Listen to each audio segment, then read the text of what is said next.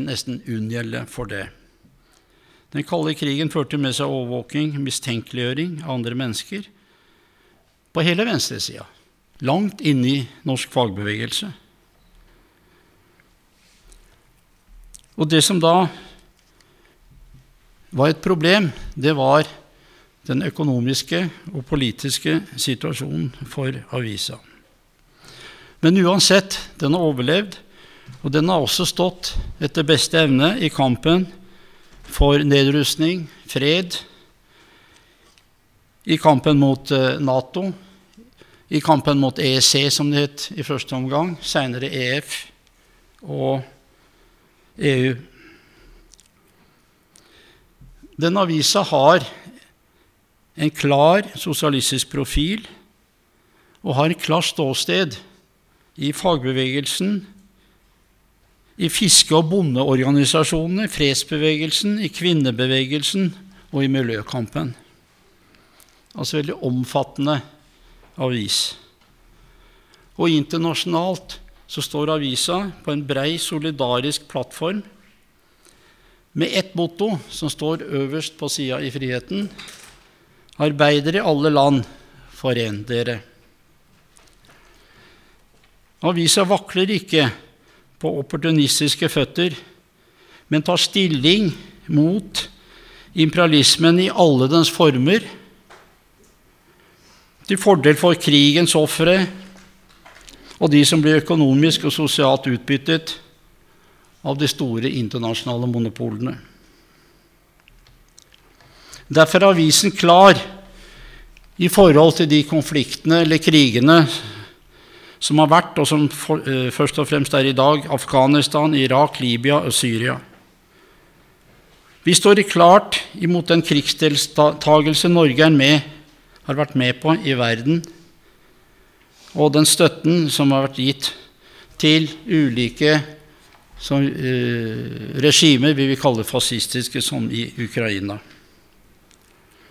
Vi prøver å nå fram med andre og kanskje nyere sider ved krisa i Venezuela enn de som flommer inn over oss av indignasjon mot president Maduro, men tar stilling for den bolivarianske revolusjonen. Og vi sier klart ifra USA hendene vekk fra Venezuela. USA-imperialismen har forårsaket nok nød og elendighet i Latin-Amerika. Men venstresida synes å være splitta i forståelsen av imperialismen. Man er mot diktaturer og støtter såkalte humanistiske kriger, som i Libya, selv om de blitt anført av USA, som skulle redde sivilbefolkningen. Men så liker man ikke resultatet. Oppløsningen og anarkiet var skjebnen til en suveren stat. Etter vår mening må vi forholde oss til imperialismen som til graviditet. Du kan ikke bare være litt gravid. Du kan ikke bare være litt for og litt mot verdens mest destruktive makt. Friheten har skribenter som dekker de fleste områder i verden. Kanskje litt for lite om det som skjer i Afrika. Men vi tar inn leserinnlegg, og ingen innlegg er for dårlige eller noe man skal skjemme seg over, eller ikke akademiske nok. Tvert om så er friheten åpen for alle. Vårt motto er at friheten gir nyhetene bak nyhetene. Vi prøver å avdekke det som ikke skrives, og som forties i eh, hovedstrømsmediene. Vi prøver å gå bak fine fasader og vakre ord som skjuler falske nyheter. Til det trenger vi hjelp og innspill fra vanlige mennesker som opplever hverdagen og eget liv som det beste bevis på at sannheten ikke administreres av elitepolitikere og deres proselytter i massemedia. Friheten vil forsøke å ha lignende møter hvert år om viktige temaer nasjonalt og internasjonalt for å få frem nettopp nyheten, nyhetene bak nyhetene. Og så til dagens tema, kort om den. Det skrives og menes mye om Kina i disse dager. Den økonomiske utviklingen de siste 20-30 år har vært enorm i Kina. Den politiske og militære innflytelsen i verden har også økt med dem. Men hva har egentlig skjedd? Hvilken vei går Kina? Kina styres av et kommunistisk parti. Ja vel, men er det et kommunistisk parti? De er på vei mot et sosialistisk, kommunistisk samfunn mener partiet. Er de det? Hva med levestandarden, menneskerettighetene, konflikten med USA osv.? Jo, følger vi bare med i hovedstrømsmediene, så er svarene allerede gitt. I Kina er det ensretting, diktatur, og Kina truer nabostatene og ikke minst USA, og er også skyld i den økonomiske krigen mot Trump. Men er det bare sånn?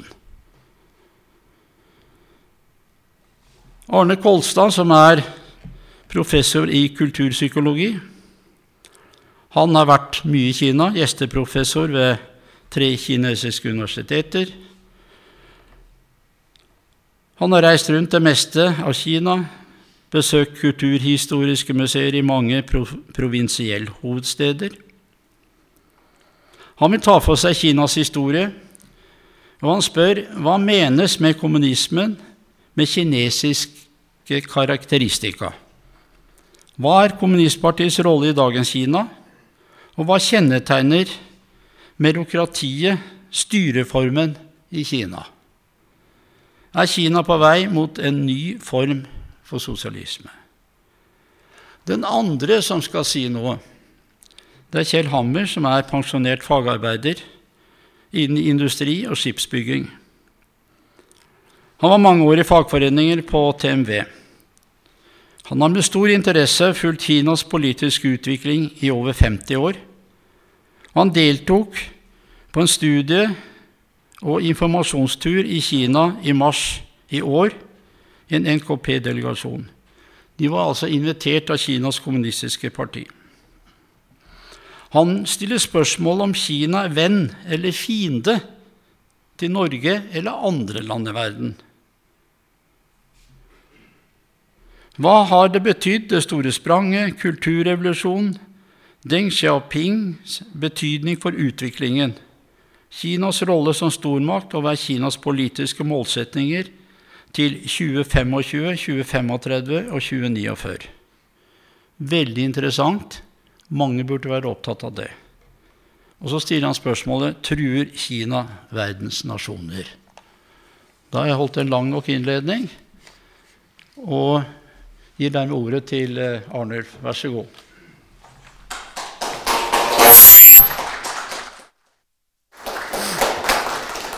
Takk for det, Harald. Og Takk for at uh, Friheten og NKP uh, eh, arrangerer et sånt møte uh, som dette om Kina. Det er på høy tid at vi lærer hva Kina i virkeligheten er, hvordan, hva slags politisk system det er, hvordan det utvikler seg. Men som Harald var inne på, så er det ikke lett å bli orientert og informert og få kunnskaper om det i vår del av verden. Jeg syns også det er passende å ha et møte om kommunisme på frigjøringsdagen. For er det noe som virkelig tar sikte på frigjøring, så er det vel kommunismen. Jeg vil starte dette innlegget med en omtale av den kinesiske nobelprisvinneren Mo Yan. Han fikk nobelprisen i litteratur i 2012. Han har sagt noe som kjennetegner kinesernes forhold til kommunismen og som samtidig viser en eh, tenkemåte som er veldig forskjellig fra Vestens. Og hvis vi skal forstå Kina, så kan vi først som sist akseptere at det er en sivilisasjon og en kultur og med en historie, med en filosofi og med en tenkemåte som er annerledes, ja, veldig annerledes enn den vi er sosialisert i. For å forstå dagens Kina er det også nødvendig å vite noe om landets historie, om storhet og nedgangstider og ny storhet, om hvordan kineserne tenker om seg selv og andre, hvordan det kollektive og hensynet til fellesskapet er viktigere enn den ekstreme individualismen som vi finner i vår del av verden. Spissformulert så kan vi si at Kina fokuserer på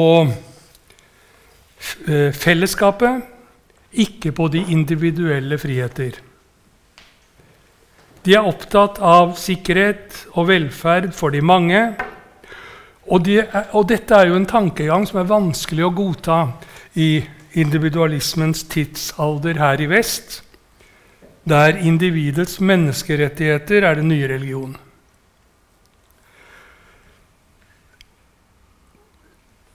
En måte å forstå det kinesiske på, og forstå hvordan kineserne tenker, og tenker veldig forskjellig fra oss i vest, det er å se på hva barn blir sosialisert til.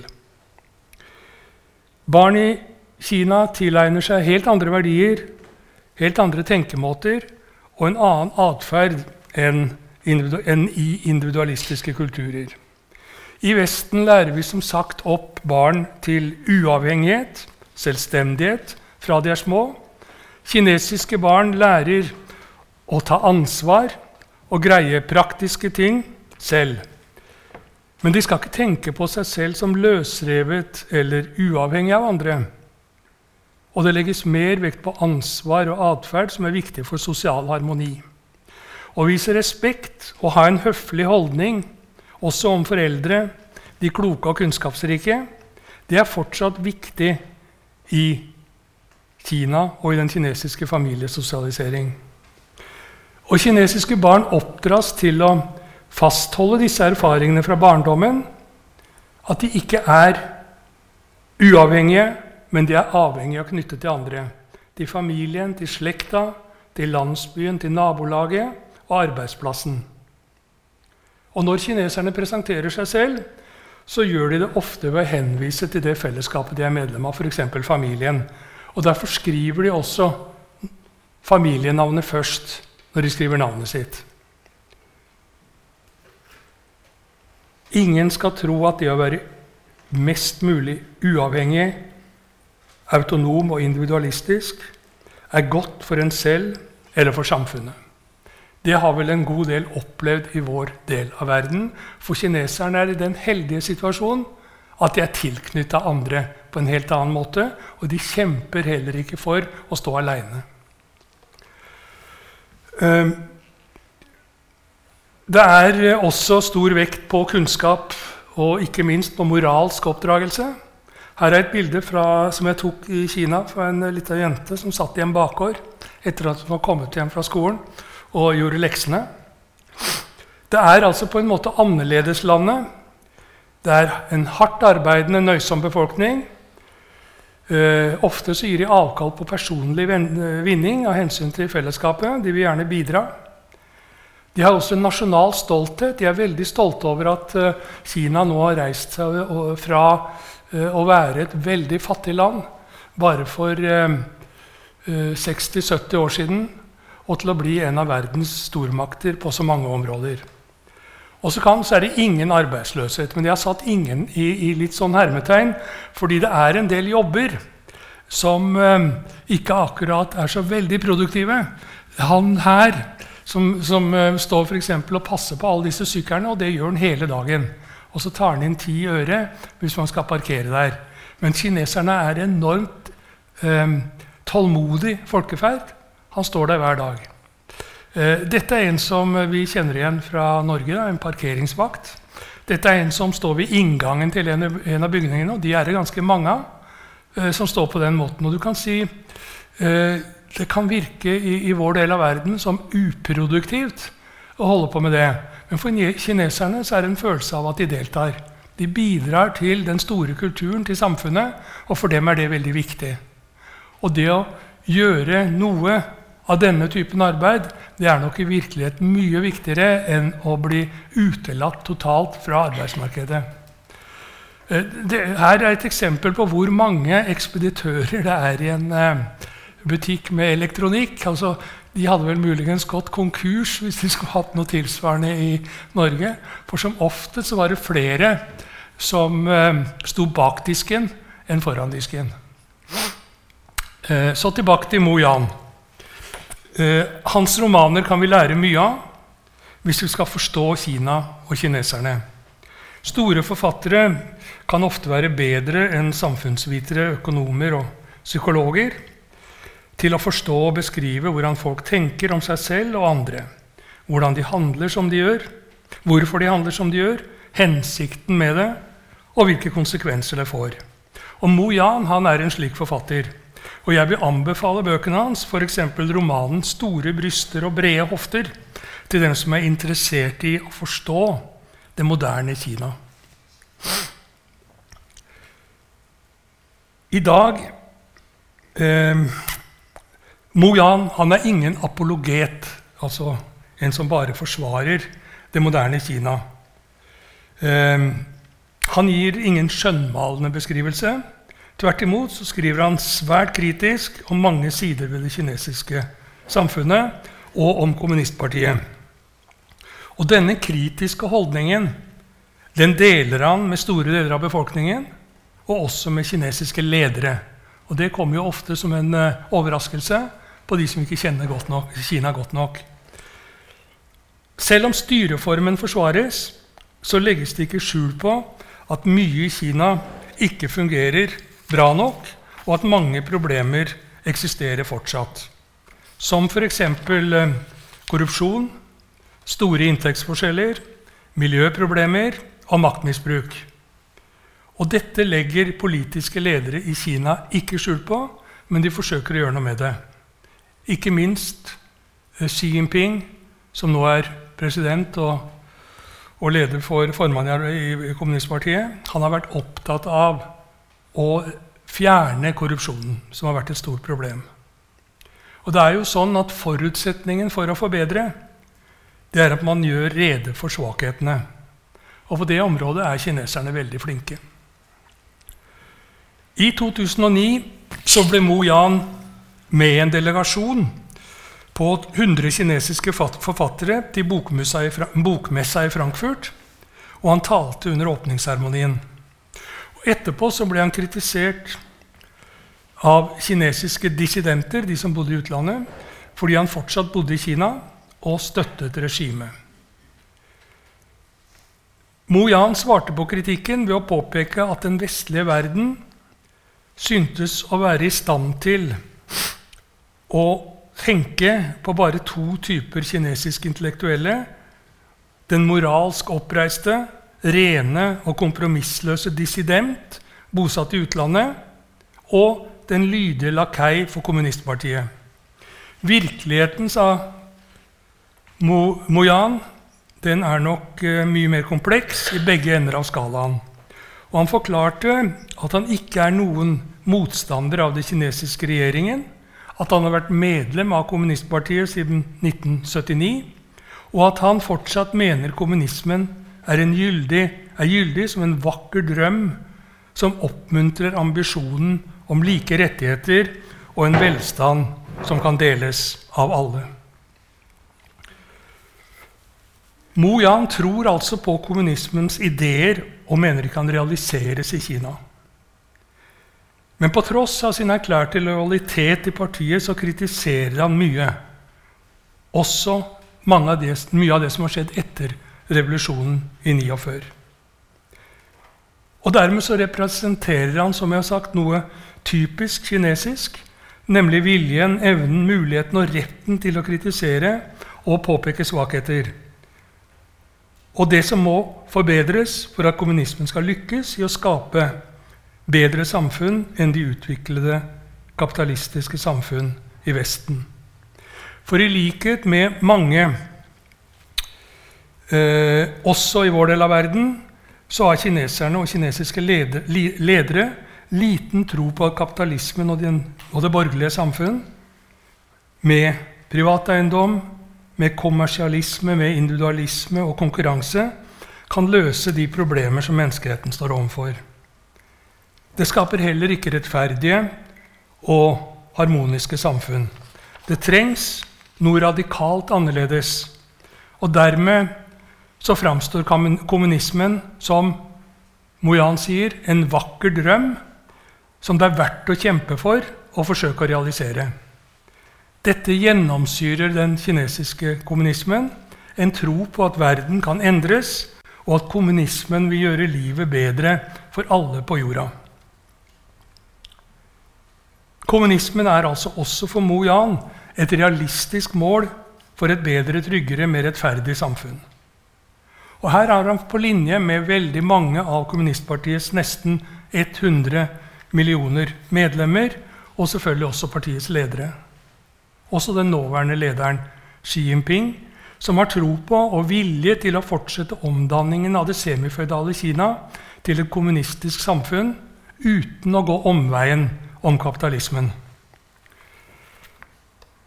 Kommunistpartiet i Kina er så heldige at det bygger på kollektive tradisjoner i kinesisk kultur som fortsatt er til stede. De er intakte, slik tilsvarende tenkning og væremåter eksisterte i gamle ursamfunn i vår del av verden, og opp, som også var basert på kommunistiske prinsipper, f.eks. om samarbeidet fremfor konkurranse. I Kina så er denne måten å tenke på, denne interessen for det kollektive, fremdeles kjennetegnende for store deler av befolkningen. Som jeg var inne på da jeg fortalte om barndomssosialiseringen.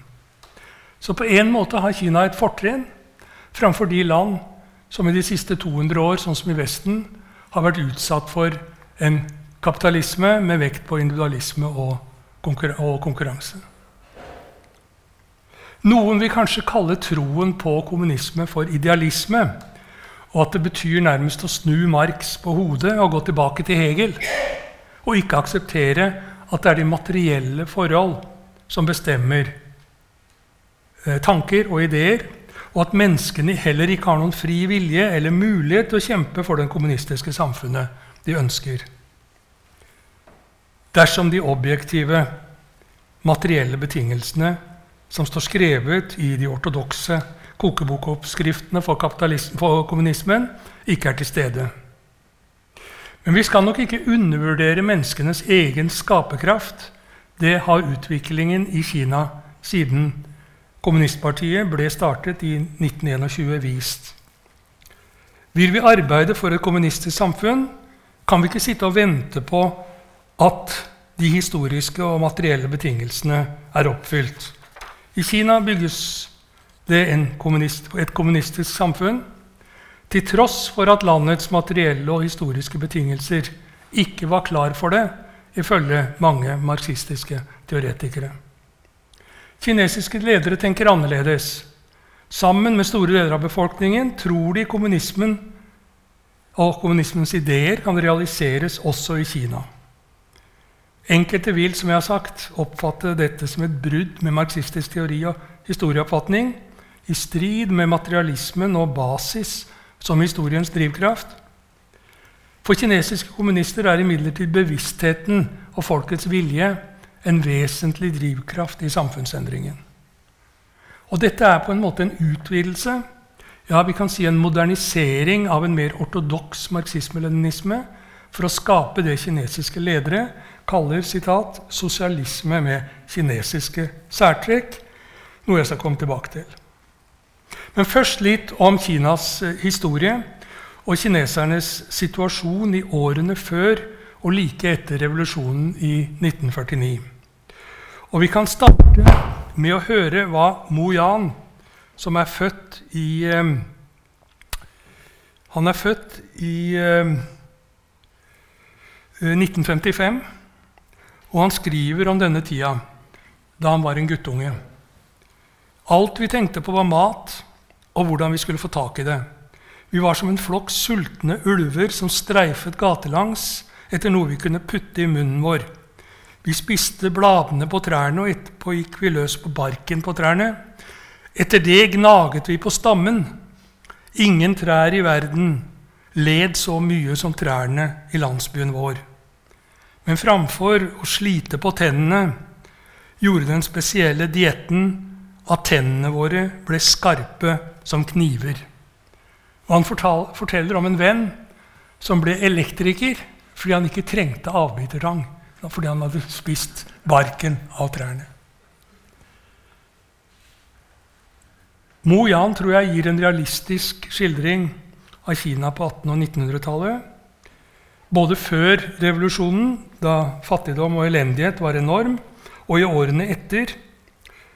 En av det, som han sier, moderne Kinas mest bisarre perioder med økonomisk stagnasjon og, og individuell forsakelse.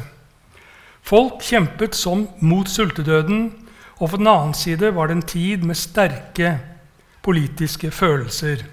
Sultne mennesker strammet livreina, livreima og fulgte partiet i dets kommunistiske eksperimenter. Vi må ha vært utsultet på den tida, skriver Mojan, som så på oss selv som de heldigste mennesker i verden. I 1980-åra, da Kina åpnet seg mot verden, så vi realitetene som om vi våknet fra en drøm. Og jeg tror dette er ganske karakteristisk både for Kinas elendighet i hele første halvdel av eh, det, på 1900-tallet, og også den følelsen mange kinesere fikk når, når Deng Xiaoping åpnet til omverdenen fra slutten av 1980-åra. Men hvordan kunne Kina havne i en sånn situasjon? Hvordan kunne det ha blitt et lutfattig land der folk sulter og måtte gnage barken av trærne? For slik hadde det vel ikke alltid vært? Nei, det kan vi absolutt si med sikkerhet at slik har det ikke vært. Det er snarere tvert imot. I nærmere 1000 år så hadde Kina vært velholdende og ledende i verden innenfor økonomi, teknologi og kultur. Og Det kan vi se på noen eksempler her. Her er altså hvordan vi kan illustrere rikdommen. Men viktigere er det kanskje å se Kinas situasjon på, i perioden mellom 1100 og 1800. Og En overflod av empiriske data viser at Kinas økonomiske og teknologiske overlegenhet over den vestlige sivilisasjon gjennom 1000 år. Dette var før Eh, Kina ble erobret, og nedgangen startet på 1800-tallet, midt på 1800-tallet. Så tidlig som i 1078 så var Kina verdens største produsent av stål. Og de produserte mye mer enn Storbritannia produserte 400 år seinere. Kina var verdensledende innen tekstilproduksjon syv århundre før Storbritannias såkalte tekstilrevolusjon i det 18. århundret. Kina var ledende handelsnasjon og handlet med mesteparten av Sør-Asia, Afrika, Midtøsten og Europa. Kinas jordbruksrevolusjon og produktivitet overgikk Vesten fram til det 18. århundre. Kinesiske innovasjoner, produksjon av papir, boktrykkeri, skytevåpen og verktøy ble transportert over hele verden i skip med de mest avanserte navigasjonssystemer. Kina hadde verdens største flåte av kommersielle skip. Bankvirksomhet, stabil pengeøkonomi og høy produksjon i landbruket resulterte i at inntekten per innbygger var like stor som i Storbritannia så seint som i 1750. Og Kina beholdt sin framtredende posisjon i verdensøkonomien helt til tidlig på 1800-tallet. Da ble Kina utsatt for vestlig kolonialisme, imperialisme og Japans militarisme. Ettersom britene ikke kunne utkonkurrere kineserne gjennom handel, så tydde det til brutal militærmakt. England mobiliserte og brukte leiesoldater fra sine kolonier, bl.a. India, for å tvinge sin eksport på Kina og trumfe gjennom urettferdige handelsavtaler. Kina ble dessuten oversvømt med britisk opium produsert på plantasjer i India, til tross for at Kina hadde lover som forbød import og salg av narkotika.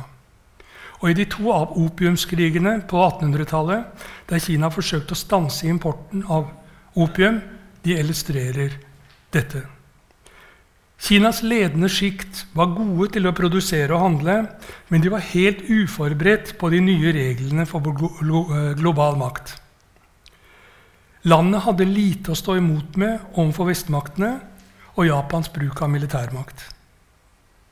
Sammen med en sterkt svekket stats- og keisermakt så betydde dette en foreløpig slutt for Kina som verdensmakt.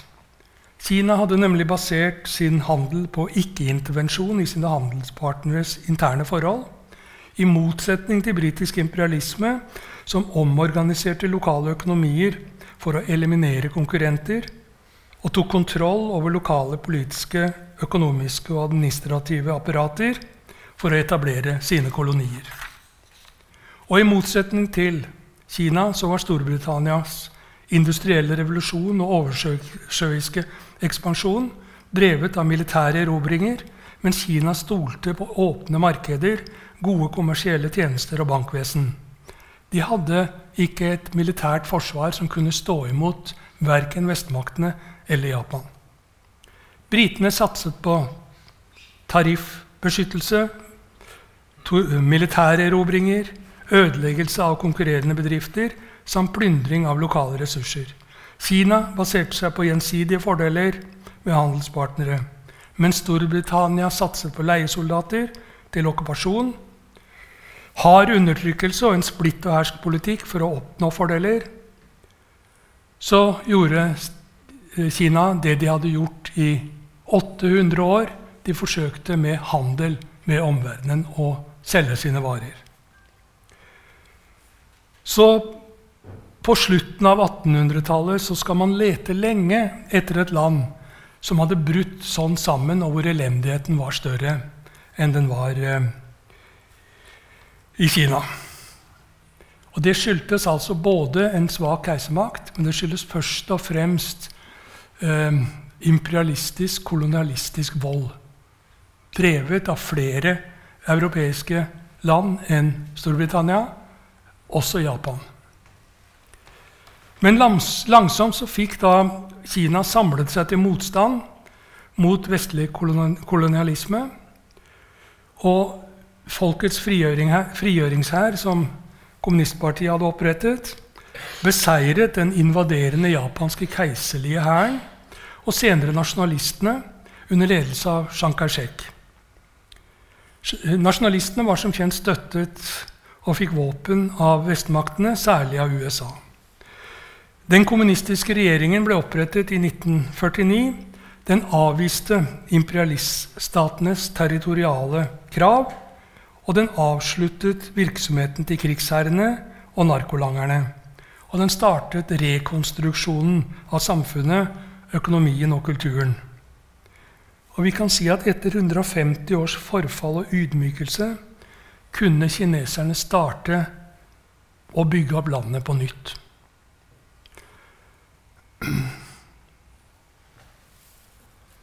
Og denne veksten den begynte i 1950, da kommunistpartiet gjennomførte en jordreform som ga land, infrastruktur, kreditter og teknisk bistand til hundrevis av millioner landløse og fattige bønder. Det skulle ikke være nødvendig å gnage barken av trærne lenger. Gjennom det som nå kalles menneskelig kapital og ved hjelp av sosial mobilisering så bygde kineserne veier, flyplasser, broer, kanaler, jernbaner, skoler og helsestasjoner samt kull- og jern- og stålindustri, som skulle danne ryggraden i det moderne kinesiske samfunn. Det kommunistiske Kina hadde også et utmerket helsevesen og utdanningsvesen. Det var en opplyst befolkning kort tid etter revolusjonen med null analfabetisme. Og det var også en motivert og sunn arbeidsstyrke. Men det var også tilbakeslag. som det store spranget mellom 1958 og 1961 og kulturrevolusjonen fra 1966 til 1976. Og det kan vi ta som et tegn på at Kina ikke hadde funnet veien til et sosialistisk samfunn som kunne bygge kommunismen. Det var nødvendig å tenke nytt, gjennomføre en kursendring med utgangspunkt i Kinas spesielle situasjon. Fordi det å bygge kommunismen det betyr jo ikke å følge samme kokebokoppskrift eller fremgangsmåte overalt. Man kunne ikke kopiere Sovjets revolusjon, kommunistiske revolusjon, fordi Kina var et helt annet samfunn. Og det som er rett et sted og en bestemt historisk epoke, det kan være galt et annet sted og en annen tid. Og kineserne er heldigvis gode til å tenke på den måten, nemlig å se tingene i sammenheng. Derfor har de utviklet sin egen vei til kommunismen, basert på landets historie og situasjon og det som kalles sosialisme med kinesiske særtrekk.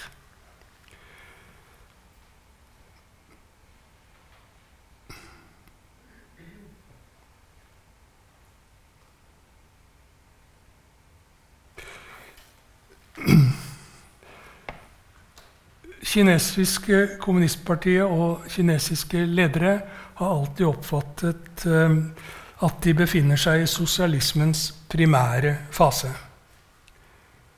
Og I den fasen så er det nødvendig å først og fremst bedre produktivkreftene. Utvikle produktivkreftene. Og det var Deng Xiaoping som startet og fikk, dette, fikk, gjennomslag for dette i partiet. Og han åpnet også, som sagt, eh, mot utlandet, noe som ga Kina økonomisk vekst, både økonomisk og sosialt. Deng er jo også kjent for dette utsagnet at noen må bli rike først. Og Slike ideer fikk faktisk tilslutning fra driftige kinesere som prøvde å tjene mye penger. Og de lykkes med det. Og det gjaldt særlig bedriftsledere innenfor industri- og finanssektoren som skaffet seg inntekter nesten på vestlig nivå. Og også toppbyråkrater, staten og provinsene, de tjente godt. Og inntektsforskjellene i Kina er blitt et stort problem. Det er faktisk det landet i verden som har de største inntektsforskjellene. Og dette er noe som Xi Jinping virkelig har tatt fatt i. Og på den siste kongressen til kommunistpartiet så ble, det, eh, så ble det formulert et program der målsettingen var å redusere inntektsforskjeller, bedre situasjonen spesielt for de fattige. Og når kineserne bestemmer seg for et eller annet, så klarer de som oftest å gjennomføre det.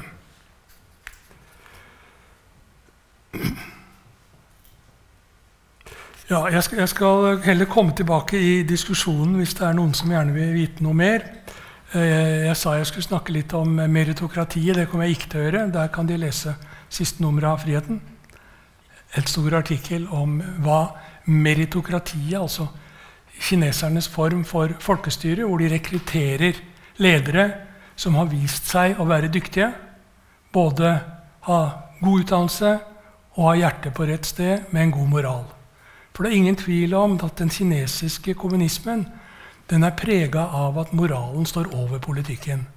Altså Det å være et moralsk menneske det er så viktig i Kina, og det er så viktig for politiske ledere. Og det er en arv de har fra Konfusius, som jeg egentlig også burde si noe om. Fordi Konfusius, som levde i 551, var født i 551 før vår tidsregning, han har preget Kina og kineserne antagelig mye mer enn kommunistiske og marxistiske teoretikere har gjort.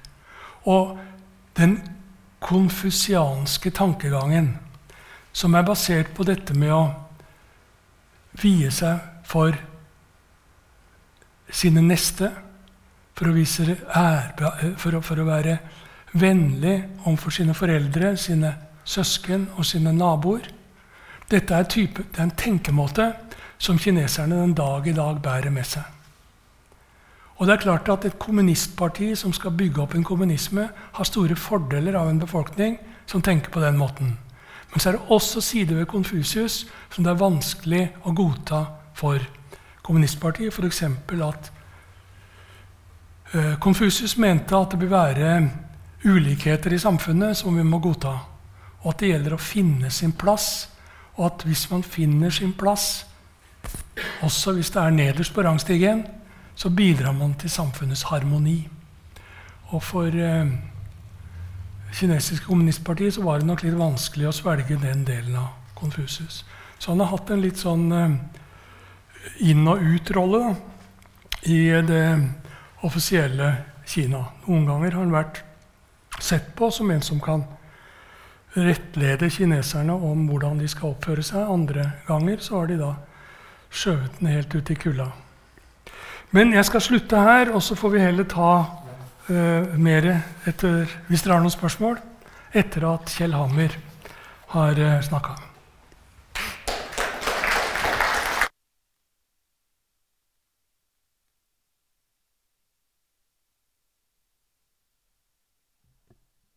Mange takk, Arnulf. Veldig interessant historisk gjennomgang. Uh, Sjøl har jeg ikke så veldig bevandra i kinesisk uh, historie, kultur eller filosofi. Så det er eh, veldig nyttig, veldig nødvendig for å forstå et, et lands nåværende situasjon, økonomisk og politisk, å kunne en del om det samme lands historiske utvikling på alle områder. Går ikke an å forstå Kina eller i den forstand eller USA hvis du ikke skjønner og forstår historien. Når det gjelder merokrati, så kan jeg bare anbefale den artikkelen som eh, Arnulf har skrevet. Det ligger eh, noen friheten ute på ved inngangen der. Der står hans utmerket artikkel. Da vil jeg gi ordet til eh, Kjell som da skal snakke om Ja, bl.a. stille spørsmålet om Kina truer verdens nasjoner. Det er jo et interessant spørsmål. Hvem er det som truer hvem, og hvorfor? Bare han får teknologi, teknologien i orden, så skulle vi være klare. Okay.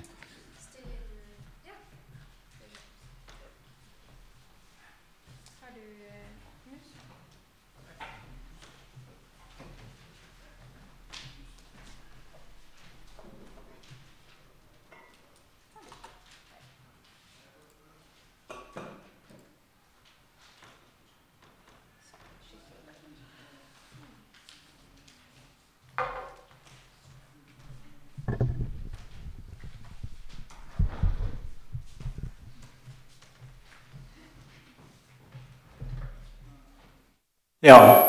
Eh, oi sann, det var veldig sterkt. Eh, god, god, kveld, folkens. Eh, jeg skal lede dere inn i et foredrag om maktforholdene. Jeg ser altså på Kinas utvikling nå ut ifra et vestlig perspektiv. Dvs. Si jeg tar utgangspunkt i eh, at eh, Kina er kraftig påvirka av eh, vestlig tenkning, altså dagens Kina er kraftig påvirka av vestlig tenkning pga. marxismen. Så jeg kom til å for all del snakke om Kinas politiske, maktmessige utvikling.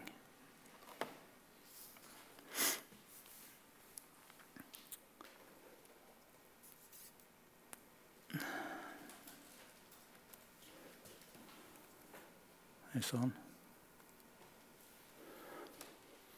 Det første bildet dere ser opp til høyre der, det er et bilde av eh, Chen Wangdao, som oversatte det kommunistiske manifestet til kinesisk i 1921.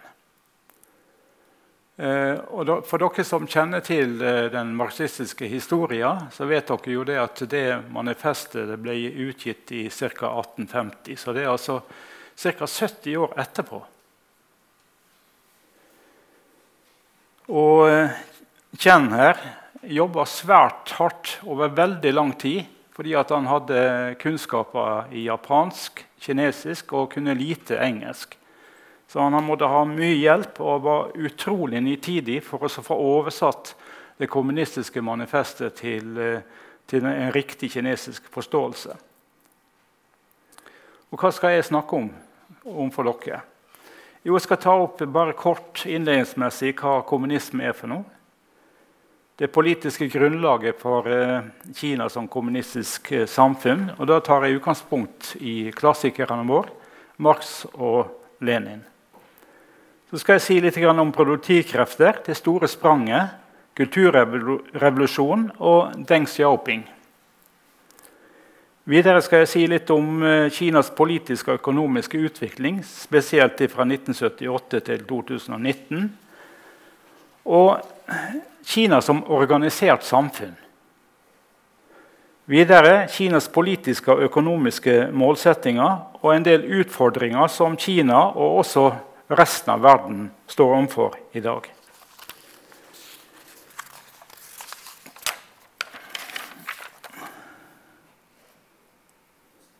Nei, sånn skal det være.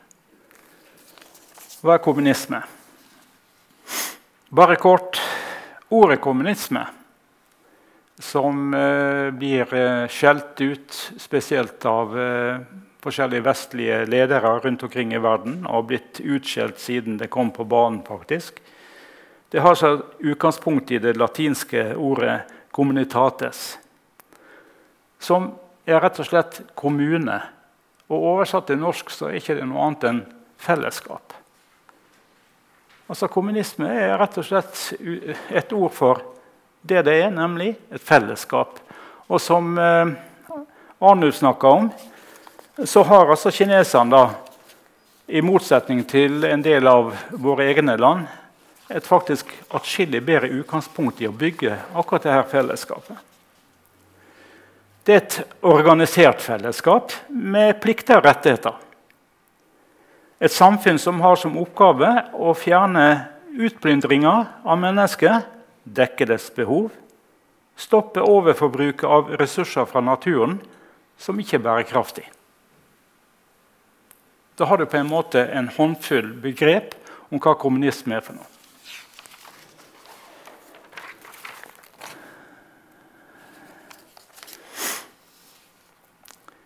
Ser litt på den eh, politiske utviklingen eh, som er grunnlag for Kina som kommunistisk samfunn.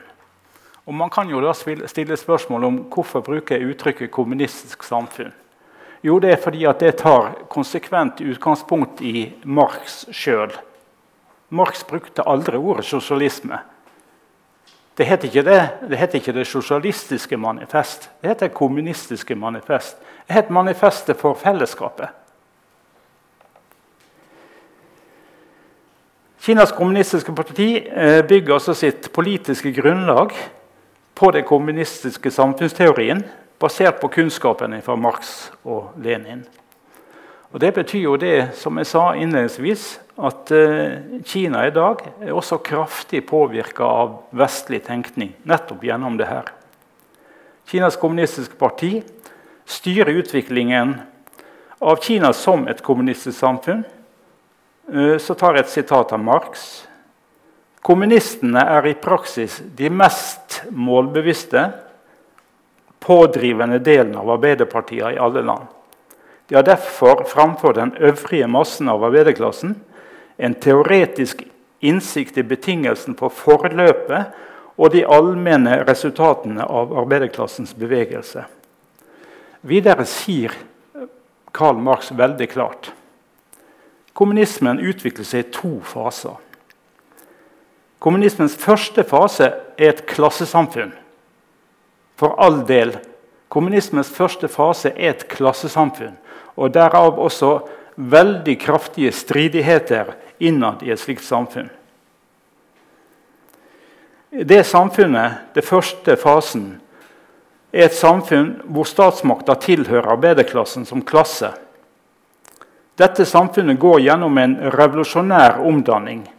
Og det er litt viktig å merke seg at kommunismens første fase så går man da altså inn i en utvikling av samfunnet som er en revolusjonær omdanning, altså en rask omdanning av samfunnet. Kommunismens andre og høyere fase, som mange kanskje kjenner til, er et klasseløst samfunn av frie individ. Et samfunn som er i dynamisk balanse med resten av naturen, og hvor regelen, som dere kanskje har hørt, gjelder. Enhver yter etter evne og får etter behov. Det er altså et samfunn som er altså i dynamisk balanse med resten av naturen. Så sier Marx videre etter den kommunistiske arbeiderrevolusjonen vil arbeiderklassen benytte sitt politiske herredømme til gradvis å fravriste borgerskapet all kapital, sentralisere alle produksjonsredskapene i hendene på staten. Og Legg nå merke til at Marx sier 'gradvist'. Marx var fullstendig klar over at tar du makta i et samfunn, så må du gi deg tid på å forandre det samfunnet. Og det vil ta tid. Marx var veldig klar og visste at det her ville måtte skje. Disse, så, ja, disse forholdsreglene, sier Marx videre, vil naturligvis være ulike i ulike land. Og Her sier også Marx igjen at vi vil oppleve at uh, nasjoner som gjør en eh, kommunistisk revolusjon, vil utvikle seg ulikt. Men så sier han videre men for de mest framskredne landene vil det temmelig allment kunne komme til anvendelse. Og Her lister altså Marx opp ti praktiske tiltak for å eh, sikre makta. Eh, at arbeiderklassen sikrer makta i det nye samfunnet. Og Disse ti eh, opplista forslagene kan dere lese i det kommunistiske manifestet.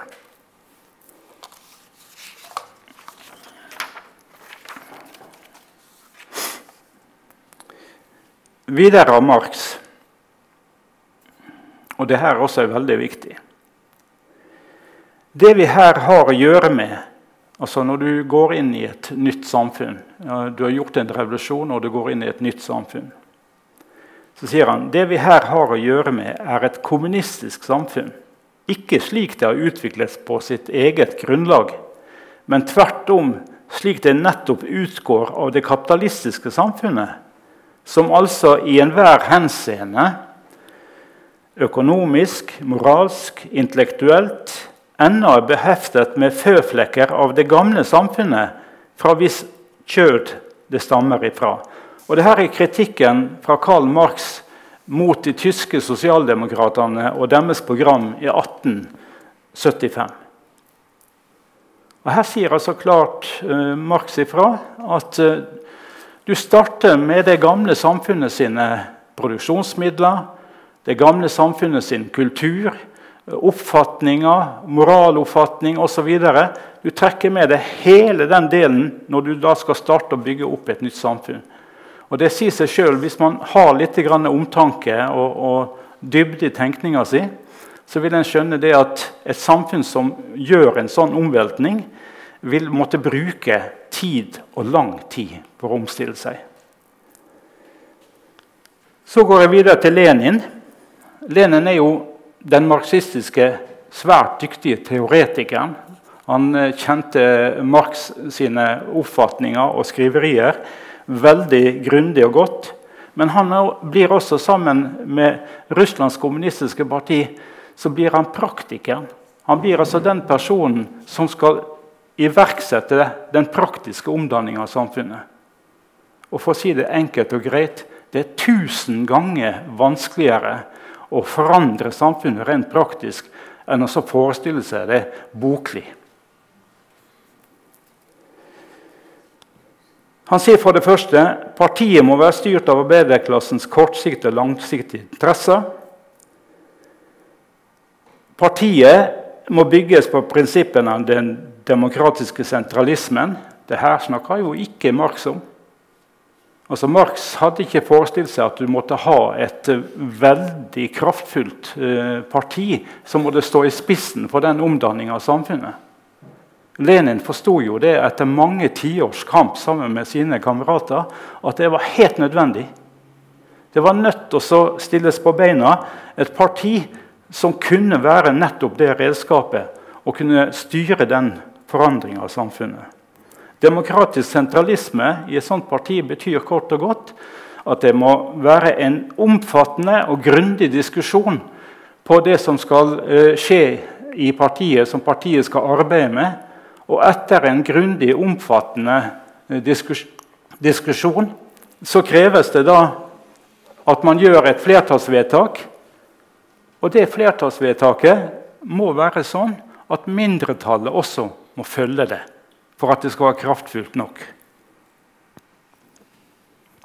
Det betyr ikke at diskusjonen er ferdig, for diskusjonen vil fortløpe etter eh, vedtaket er fatta, for å kunne se om det er holdbart eller det må korrigeres.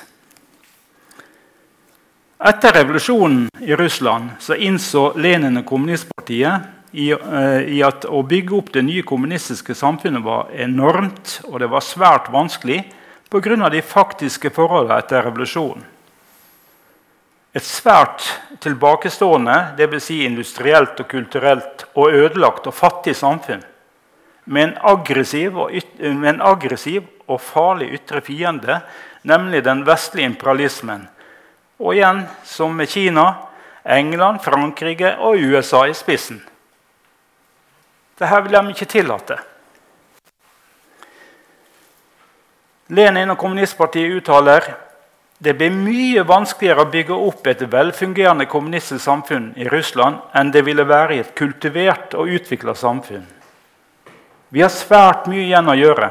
Det er her fra april 1919. I Russland må proletariatets diktatur uunngåelig oppvise noen særegenheter som skiller det fra proletariatets diktatur i de framskridne land som følge av vårt lands store tilbakeliggenhet og småborgerlige kultur. Så Her slår altså uh, Lenin og kommunistpartiet fast at Russland er i en mye dårligere forfatning til å bygge opp et skikkelig velfungerende kommunistisk samfunn enn det ville kunne vært hvis f.eks. det eh, tyske arbeiderklassen hadde gjort revolusjon og vunnet i sitt eget land. Der er altså fra oktober 1919.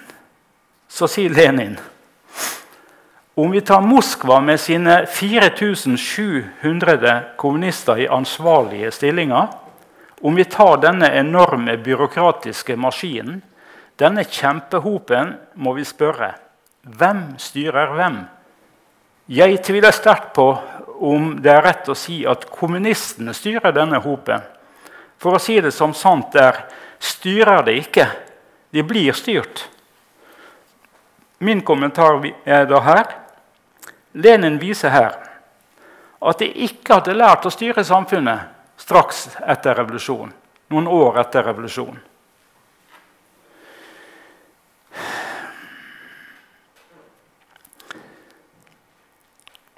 Og Lenin påpeker gang på gang at kommunistene og arbeiderklassen generelt er inne i en kritisk situasjon etter noe sånt. Og så påpeker han hva er det vi må gjøre?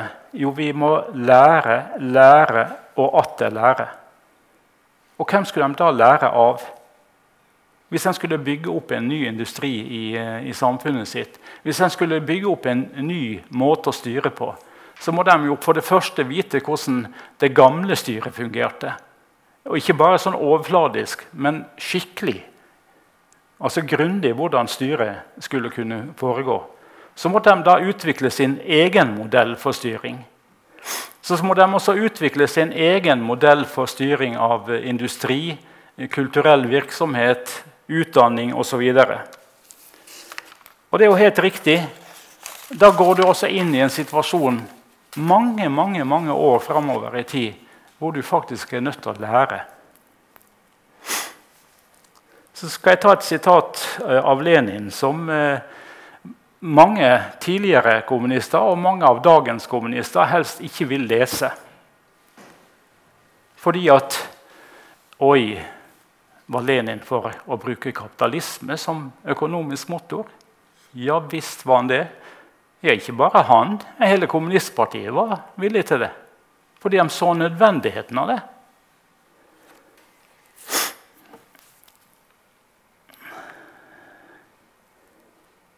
Så. Lenin sier det er ikke skrevet en eneste bok om statskapitalisme under kommunismen. Ikke engang Marx kom på å skrive et ord om dette emnet. Og han døde uten å etterlate seg en eneste presis ytring eller klar instruksjon om dette. Det er grunnen til at vi må vinne over vanskene helt på egen hånd. Statskapitalismen er kapitalisme som vi vil være i stand til å sette grenser for. Denne statskapitalismen er knyttet til staten. Staten er arbeiderne, den framskredne delen av arbeiderne, fortroppen. Jeg skal stoppe her litt. Legg merke til at Lenin sier at staten er arbeiderne, den framskredne delen av arbeiderne, fortroppen. Der ligger det faktisk en indirekte opplysning av at det kommer til å bli kommunistpartiet som må styre. Vi er staten, sier han. Statskapitalismen er kapitalisme som vi må holde innenfor visse grenser. Men vi har ennå ikke lært hvordan vi skal holde han innenfor disse grensene. Det er hele poenget. Og min kommentar er da så lenge proletariatets revolusjonære diktatur Proletariatets revolusjonære diktatur høres jo voldsomt ut. Men det betyr rett og slett bare at du har et statssystem som styres etter eh, arbeiderklassens interesser, og som vil etter hvert komme til å undertrykke borgerskapet. Så diktaturet retter mot det tidligere borgerskapet.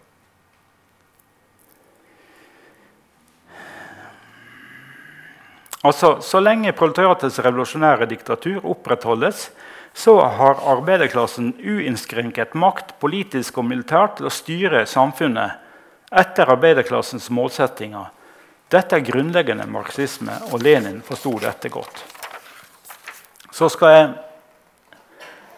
gå videre til Kina. Bare kort. Det kinesiske kommunistpartiet forstår selvfølgelig at for å forandre et eh, tilbakeliggende, fattig, utarma land styrt av, eh, av, et borgerskap vil ta lang tid. Det vil ha mange indre fiender, og det vil ha sterke ytre fiender. Etter en langværig eh, frigjøringskrig mot eh, eget storborgerskap og den japanske okkupasjonsmakta seiret kommunistene i 1949.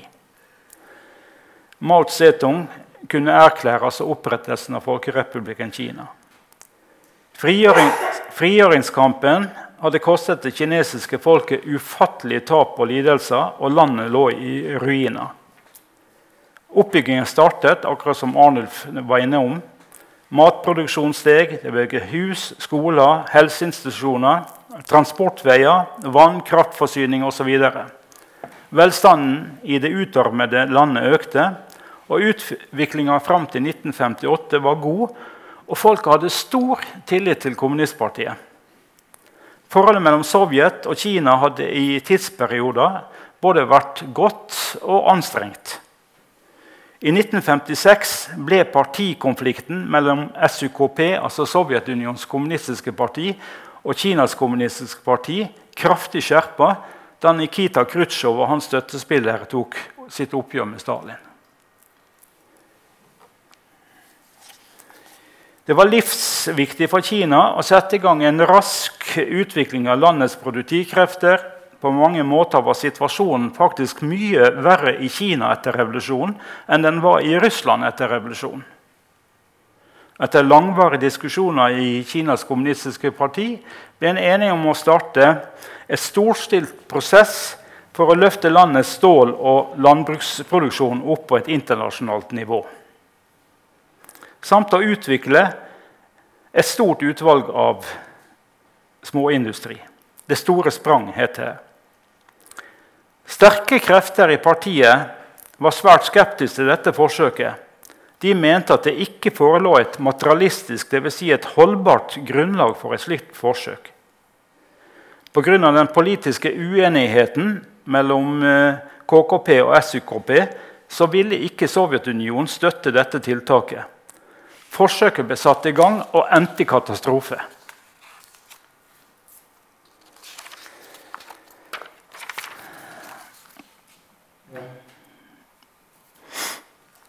Det store spranget ble et nederlag.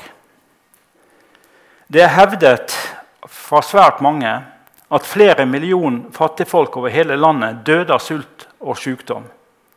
Stålproduksjonen økte kraftig, men kvaliteten var ikke god.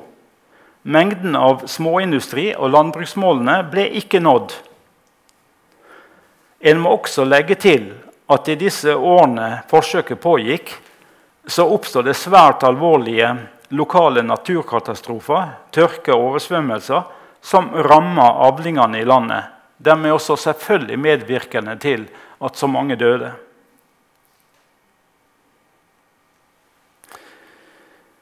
I dag kan en påpeke svakheter i planleggingen av dette forsøket. Som Lenin sa vi kan ikke styre. Vi har ikke lært å styre. Og vi må lære oss å styre på en effektiv og sikker måte. Styre på en måte som kan etterprøves og kontrolleres. Sørge for at styringen virker uten korrupsjon og løgn. Det tar lang tid å bygge opp en slik praksis og kultur. kultur. Kinas kommunistiske parti hadde ikke en slik kultur i 1958. Og det skulle bare mangle åtte år etter opprettelsen av Folkerepublikken Kina.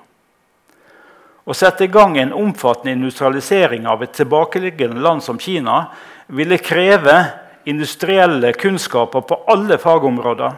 Til det trengs millioner av erfarne fagarbeidere, ingeniører, planleggere, økonomer osv. Materiell som maskiner, bygninger, redskaper i store mengder. Og en effektiv og pålitelig styring. Kina hadde ikke det her i 1958. Etter en langvarig strid og uenighet i KKP etter det store spranget ble kulturrevolusjonen utløst. Hensikten var å kjempe ned den føydale, borgerlige kulturen og fremme arbeiderkulturen i landet. Kulturrevolusjonens målsettinger ble ikke nådd. Mange og svært alvorlige motsetninger mellom folk og parti ble resultatet. Kinas kommunistiske parti vil med sikkerhet på et eller annet tidspunkt som de finner riktig, oppsummere offentlige resultatene av det store spranget og kulturrevolusjonen. Snakker du med kinesiske ledere eh, i dag, så vil de helst unngå å diskutere kulturrevolusjon og det store spranget. Men det er ikke fordi at de eh, er redd for diskusjonen, men de legger det til sides de innrømmer at det gikk galt, men de sier rett og slett rett ut at det er vi som nasjon som vil avgjøre tidspunktet hvor vi vil dokumentere de faktiske hendelsene som skjedde der. Og i Vesten i dag er det bare ville spekulasjoner å lese. Fra det mest vanvittigste tall til mer realistiske oppfatninger.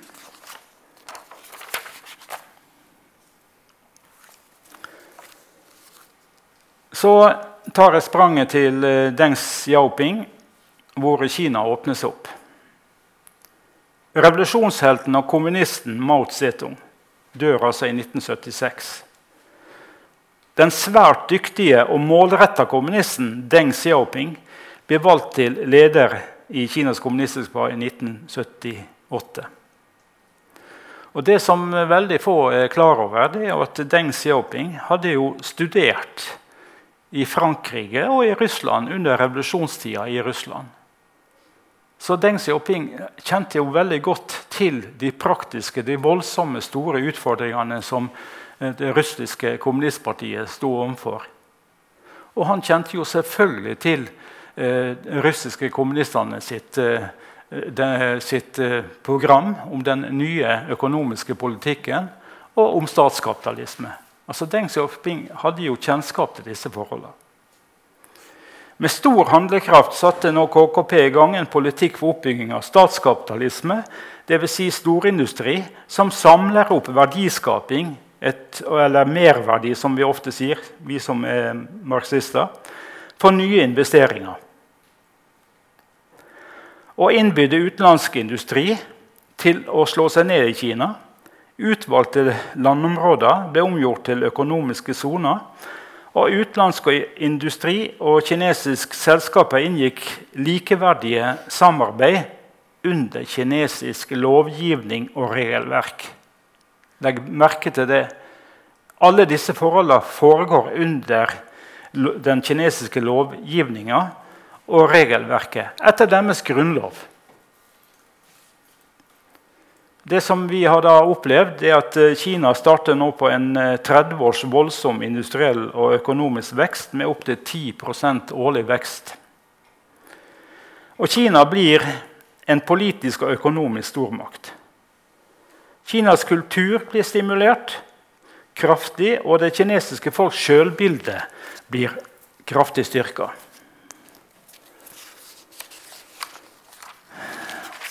Den siste delen av eh, foredraget mitt her, den eh, vil føre dere forhåpentligvis inn i en situasjon hvor dere begynner å ane på hva Kina holder på å utvikle seg til å bli. Kinas økonomiske, og politiske og kulturelle utvikling fra 1978 til 2019. Kinas økonomi har vokst enormt. Og om noen få år så vil Kina være verdens største økonomi. Ja, det er mange økonomer, borgerlige økonomer i verden i dag som mener at Kina allerede er verdens største økonomi. Kina er i dag inne i en skarp handelskrig med USA. Etter min mening, kaldblodig vurdert, er det faktisk USAs siste forsøk på å stoppe Kina. Greier ikke USA å takle Kina i den handelskrigen her, så er USA rett og slett passert, plassert til sides. Og det her vil få voldsomme konsekvenser. Personlig skal jeg komme tilbake igjen til uh, og gi noen uh, forklaringer på hvorfor USA ikke kan greie å stoppe Kina. Og En av forklaringene kommer her. Kinas produktive krefter er allerede eh, ledende i verden. Arbeidskraftens erfaring og størrelse er helt enorm. Utdanningssystemet, planlegging, vitenskapen deres, det effektive lederskapet, bygning av maskiner, automasjon, robotisering, eh, transport og en voldsomt kraftig bruk av kunstig intelligens. Velstanden i hele det kinesiske folket er heva kraftig opp på alle områder. Ernæring, helse, utdanning og transport.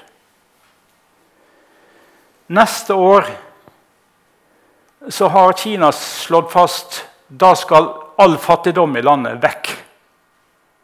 Og Det betyr i realiteten at i 2020 vil Kina ha løfta nesten 800 millioner mennesker ut av fattigdom. Altså Alle garanteres mat, klær, husvære, utdanning og helsestell. Det fins ingen nasjon i verdens historie som har gjort noe som kan sammenlignes med det her. Ingen. Husvære i byene har ifra 1978 til 2016 økt fra 6,7 kvadratmeter til 36,6 kvadratmeter. Det høres veldig lite ut, men er en helt enorm utvikling for vanlige kinesere. studenter som studerer på høyskole Den årlige mengden av studenter som studerer på høyskole I 1978 var den på 856 000. I, 2000 I 2017 så var den på 27 536 000. Greier dere å forstå hva det er som håper skjer når det gjelder høyt utdanna folk?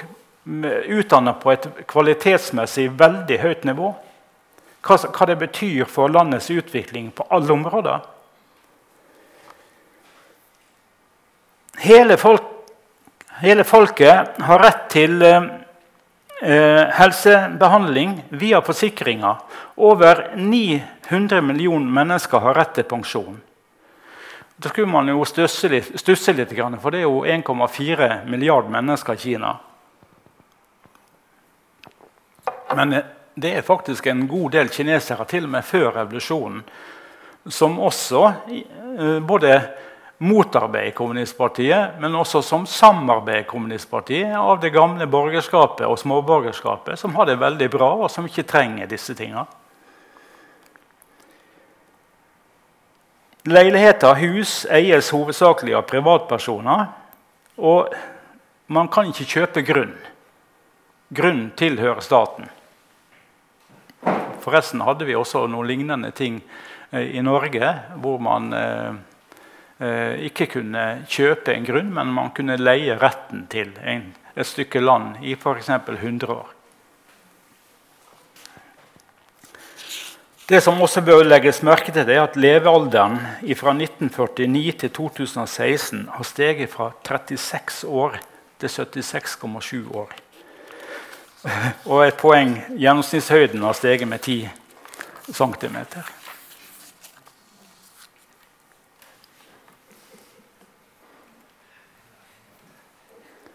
Kinas politiske utvikling.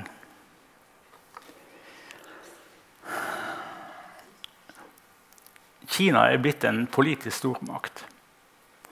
Ikke bare at det er blitt en politisk stormakt, men det har blitt en så til de grader eh, kraftfull nasjon at alle andre nasjoner er nødt til å forholde seg til Kina.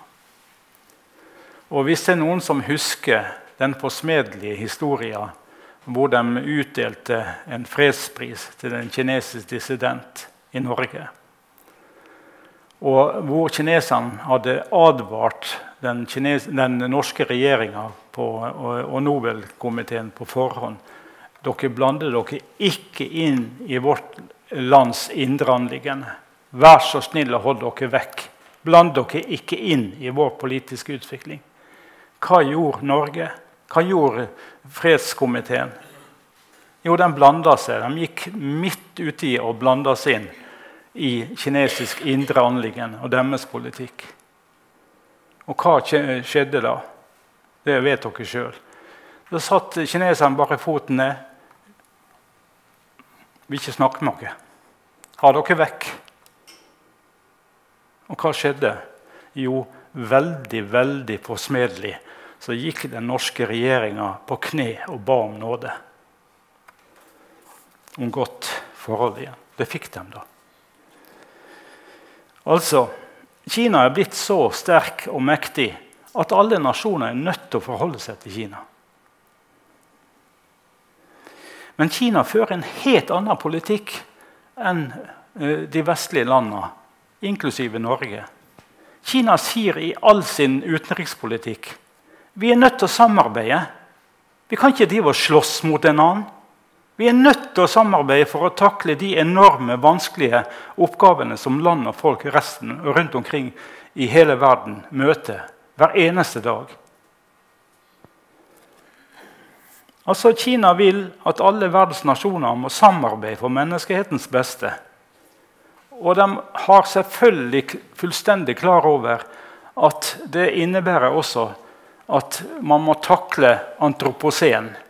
Jeg skal komme litt tilbake igjen til helt på slutten. Men den menneskeskapte natur- og klimakatastrofen som er i full utvikling Hvis ikke vi takler disse tingene her, så kan vi bare glemme alle våre drømmer om bedre samfunn.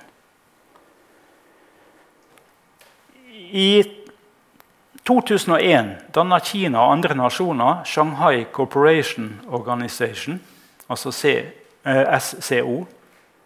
Dette er en samarbeids- og sikkerhetsorganisasjon. Og Den består i dag av Kina, Russland, Kasakhstan, Usbekistan, Tadsjikistan, Kirgistan, India Pakistan. Hviterussland står på turen for å melde seg inn. Men midt oppi eh, det tragiske for Nato så står faktisk Tyrkia også og vurderer om å melde seg inn. Organisasjonen favner så over 3 milliarder mennesker. Organisasjonen for handel og samarbeid, BRICS, Brasil, Russland, India, Kina og Sør-Afrika. Denne eh, handelsorganisasjonen er en voldsomt kraftfull organisasjon. Og det er faktisk bare ett land, viktig land, stort land, som har problemer for tida, og det er Brasil. Og hvorfor har Brasil problemer? Jo, fordi at USA vil eh, stoppe utviklinga i den eh, handelsorganisasjonen. Forsøke å hindre den til å utvikle seg. Kina og Russland utvikler et tettere og tettere samarbeid innen alle felt. Og de siste tiåra de siste tiåra har dere lagt merke til at FNs eh, eh styringssystem altså Sikkerhetsrådet i FN, eh, det er blitt et, et instrument som de vestlige landene med USA i spissen ikke lenger kan bruke som de vil. Russland eller Kina blokkerer eh, vedtak som rammer andre nasjoner. Som vestmaktene forsøker å diktere utviklinga for.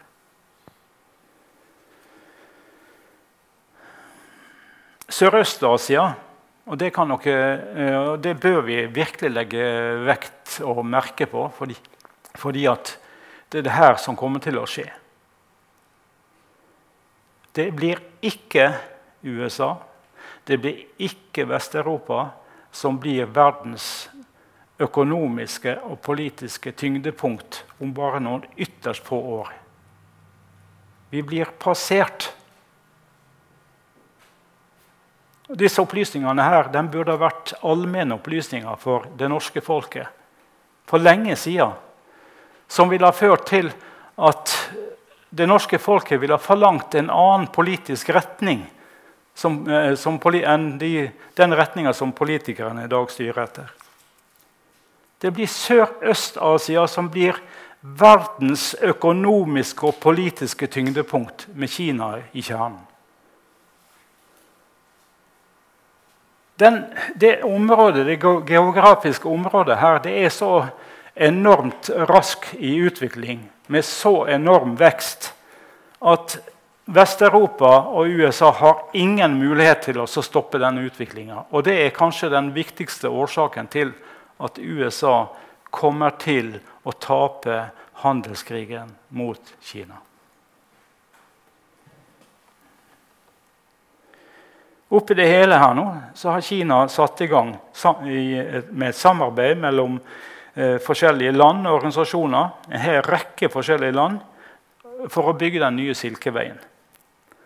Og Den nye Silkeveien den skal altså gå det både til lands og til sjøs. Og den skal omfavne Den skal omfavne hele Europa, hele Afrika, hele Sør-Amerika og Sørøst-Asia. Du verden, altså. For en utfordring den amerikanske imperialismen har.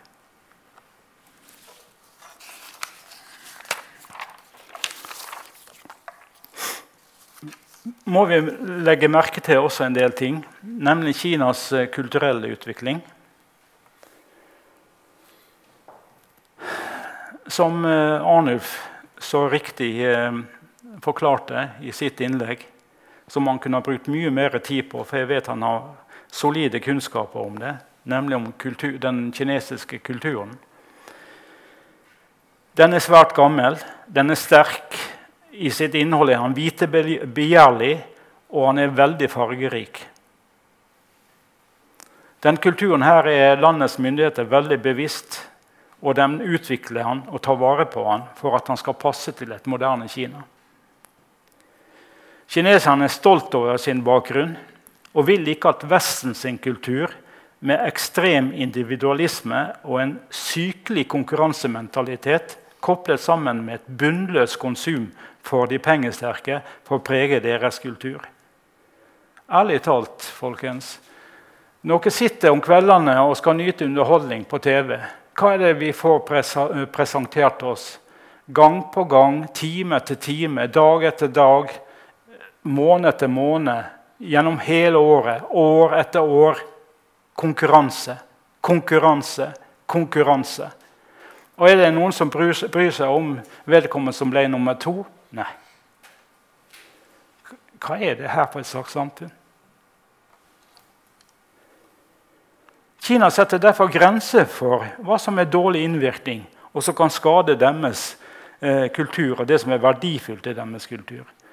Og Derfor så vil vi oppleve etter hvert at kineserne rett og slett regulerer den vestlige innflytelsen i sitt eget samfunn.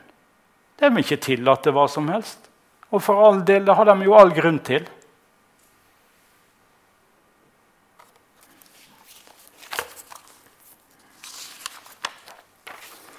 Nærmer meg slutten.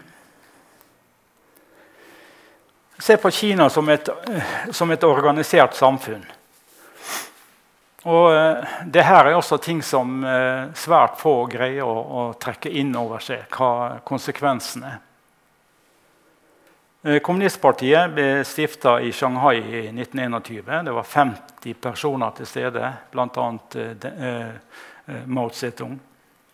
50 personer var til stede og stifta det partiet i 1921. I dag har partiet 89 millioner medlemmer. Ungdomsorganisasjonen deres har 81 millioner medlemmer. Til sammen 170 millioner medlemmer. Ikke velgere, ikke folk som stemmer på partiet, men som er medlemmer av partiet, som har plikt til å jobbe for kommunistpartiet. 170 millioner. 34 ganger mer enn hele Norges befolkning. Det er verdens største eh, politiske organisasjon. Helt formidabel, enorm til kraft i den organisasjonen. Partiet har altså fire millioner grunnorganisasjoner, lokale partiorganisasjoner, som virker daglig over hele landet. Og som snakker med folk, som hører på eh, folk sine problemer og, og, og hva som må gjøres osv. De har et veldig tett forhold til folk. Fire millioner partiorganisasjoner. Ungdomsorganisasjonen har tre millioner eh, ungdomsorganisasjoner som daglig virker over hele landet. Kinas kvinneorganisasjon, All China Women's Federation, har 1,1 millioner kvinneorganisasjoner som daglig virker over landet. Og arbeiderklassen har har jeg ikke tall på, men jeg vet at det er snakk om flere millioner eh, fagorganisasjoner over hele landet som virker daglig. Den, den kommunistiske organisasjonen i Kina har og det kan vi bare ta inn over oss, den har stor tillit og autoritet i samfunnet. Kina er et gjennomorganisert samfunn i dag og ikke nok med det, men de er organisert som Lenin snakka om, nemlig på en effektiv måte. Så dette er en nasjon som kan handle veldig raskt. Så til slutt på det punktet her. Og det er også i henhold til Lenin. Kineserne har lært veldig mye av maktforhold som marxismen beskriver, hvordan borgerskapets makt er blitt brukt for å undertrykke hvordan arbeiderklassen er nødt til å sikre makta i sitt eget samfunn for å kontrollere utviklinga. Kinas kommunistiske parti, ikke den kinesiske staten, som har full kontroll over landets formidable militære styrker. Det er kommunistpartiet som styrer den delen.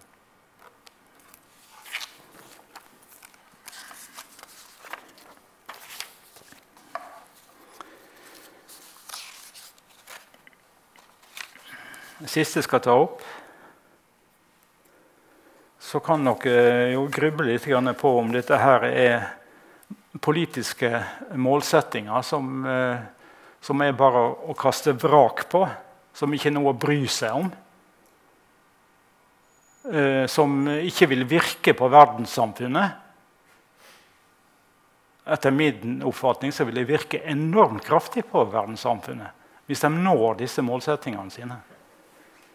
Altså I 2020 så har jeg sagt tidligere, så skal man altså fjerne rett og slett fattigdommen i landet. I 2020 så skal mekaniseringa av den militære styrkene være ferdig. Eh, jeg kjenner noe til de militære styrkene til eh, Kina i dag og kan si med veldig stor sikkerhet det fins ingen mulighet til å slå Kina militært i dag. USA kan ikke vinne en krig over Kina. Fører USA en krig over Kina slik at det blir en ny verdenskrig, så er det menneskeheten som blir utrydda. Ingen vil vinne. Dette vet også maktapparatet i USA. Derfor har ikke USA noe annet middel enn å forsøke å tvinge Kina i kne i dag gjennom den økonomiske handelskrigen som de har tatt. Og som jeg mener de kommer til å tape. I 2049 det vil da være 100-årsjubileet for opprettelsen av eh, Folkerepublikken Kina. Så vil du ha en militær styrke som både militært, men også ideologisk er i verdensklasse. Det vil være bemanna med kvinner og menn som er veldig klar over hva de slåss for og imot. I 2025 har kineserne sagt da skal vi bli ledende innenfor all vitenskap. Det betyr kort og godt når de den målsettinga, så vil vi oppleve at varer og, og forskjellige ting som vi kjøper, handler i butikken, kommer fra Kina men det vil være, også være varer eh, som ikke kan lages i Vesten fordi de har passert oss. Allerede, allerede vet dere jo om eh, Huawei sin utvikling.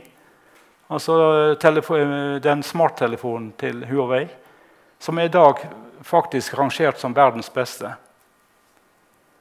Så det går ikke an å si at de kopierer lenger. Eh, tidligere, ikke tidligere eh, eieren av Huawei Han er egentlig ikke eieren fordi Huawei eies av de ansatte. Men han som starta Huawei, sa rett ut Vel, vel, vil ikke dere bruke oss i, til 5G-teknologien, så er det greit for oss, for vi er mye mer avansert enn de andre selskapene.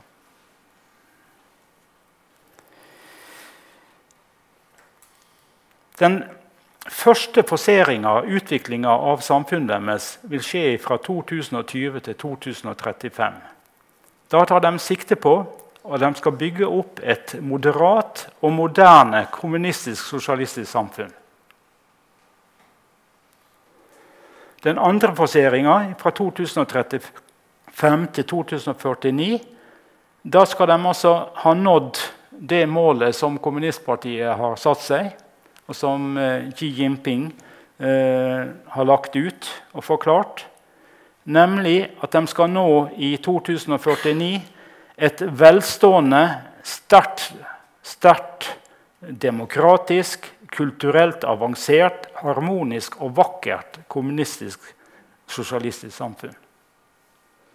Det betyr ikke, og det må vi legge merke til her, fordi det sies ikke men det bør eh, legge, legges til at det her er ikke snakk om kommunismens andre fase.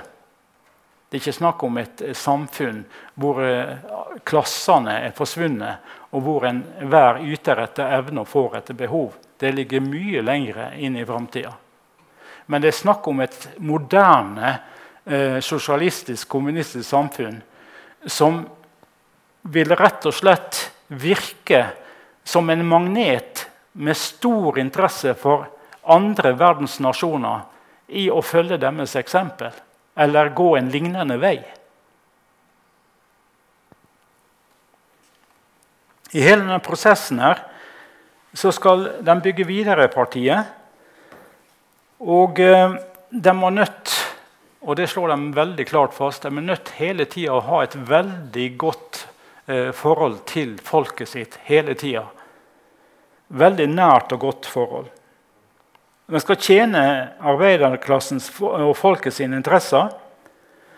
Og de legger ikke skjul på det ideologiske grunnlaget sitt.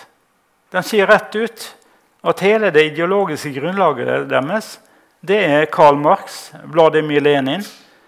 Men den kommunistiske samfunnsteorien den er i utvikling hele tida.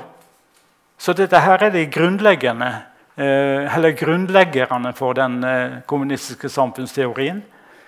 Men det er jo mange andre som er bidragsytere, bl.a. Mao Zedong, Deng Xiaoping og Xi Jinping. Eh, Dvs. Si alle, alt arbeidet som legges ned her, er ikke laga av disse enkeltpersonene. Karl Marx var i, i hovedsak sammen med Friedrich Engels eh, enkeltpersoner som utvikla starten på den kommunistiske samfunnsteorien. Men Lenin var ikke alene om å utvikle eh, videre den teorien. Det russiske kommunistpartiet var med på å utvikle den. Det kinesiske kommunistpartiet var med på å utvikle den. Ja.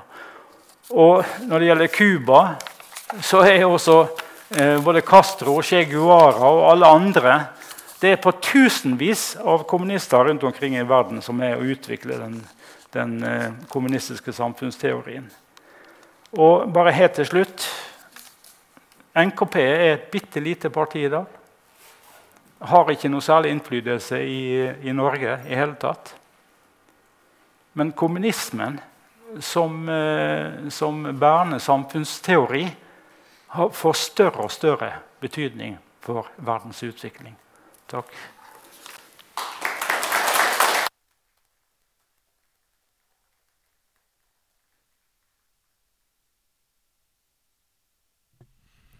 Ja, takk skal du ha for et uh, interessant politisk, ideologisk uh, innlegg. Uh, vi er dessverre Ja, ikke dessverre. Jeg syns det var veldig interessant. Syns det var lærerikt eh, gått noe over tida. Men eh, jeg syns det er eh, sikkert både nødvendig og klokt å ha en liten pause på et kvarters tid. Jeg håper at eh, dere sitter igjen med en del spørsmål. Gjerne en del motforestillinger. Og kom med det i, eh, etter pausen. Så vi tar sikte på å kanskje være ferdig rundt halv ni. Men vi kan fortsette til ni hvis det er nødvendig. Hvis eh, skal vi si, interessen og, og um, alle spørsmålene og alt dette er så intenst at vi holder på til klokka ni. Men vi tar altså en kvarters pause. Og det går an å få kjøpt kaffe der nede på uh, Litteraturhuset. Og så er det toalett her oppe i denne etasjen. Og... Um, det er en anledning til å eh, ta ordet, stille spørsmål, komme med kommentarer. Kom også gjerne med kritiske motforestillinger. Vi veit det er en del eh, ting som eh, Hva skal jeg si folk på venstresida lurer mye på. Nemlig milliardærer som sitter i sentralkomiteen i det kinesiske kommunistpartiet hvordan er det å styre direktører og, og bedriftseiere i Kina, som uh, var nevnt her, Huawei? Hvem er det egentlig som styrer landet? Er det de mektige kapitaleierne, eller er det egentlig partiet? Uh, det er en del sånne spørsmål. Det er også spørsmål om Kinas økonomiske hva skal vi si, ekspansjon rundt omkring i verden? Er det en ny form for imperialisme? Hva er det for noe? Eh, det kan være interessant også å høre litt om, for jeg veit veldig mange er opptatt av det. Så vær så god. Eh, rekk opp handa, den som skal ha ordet, så kommer vi med mikrofonen dit bort.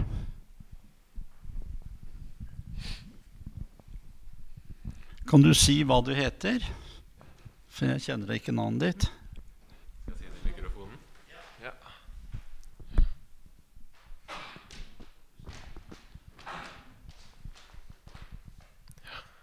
Andreas heter jeg. Uh, og jeg lurer på uh, Nå påpekes det jo at det er uh, voksende økonomiske ulikheter i Kina. Og det påpekes i hvert fall av deg at eh, Kina styres etter statskapitalisme, om jeg forsto deg rett. Uh, og eh, altså, vi hører jo nyheter om, eh, om f.eks. tibetaneres situasjon i Kina og eh, uigurers situasjon i Nord-Kina. Eh, det jeg i grunnen lurer på, eh, er at eh, det virker jo å være ganske mange negative sider ved, ved, Kina. Og det er mange eh, trekk her som minner veldig mye om kapitalisme. Eh, hvordan kan vi være trygge på at det kinesiske samfunnet bærer i retning av sosialisme eller kommunisme? At ikke det bare er en slags estetikk de har satt fore eh, for å få en slags tilhengerskare?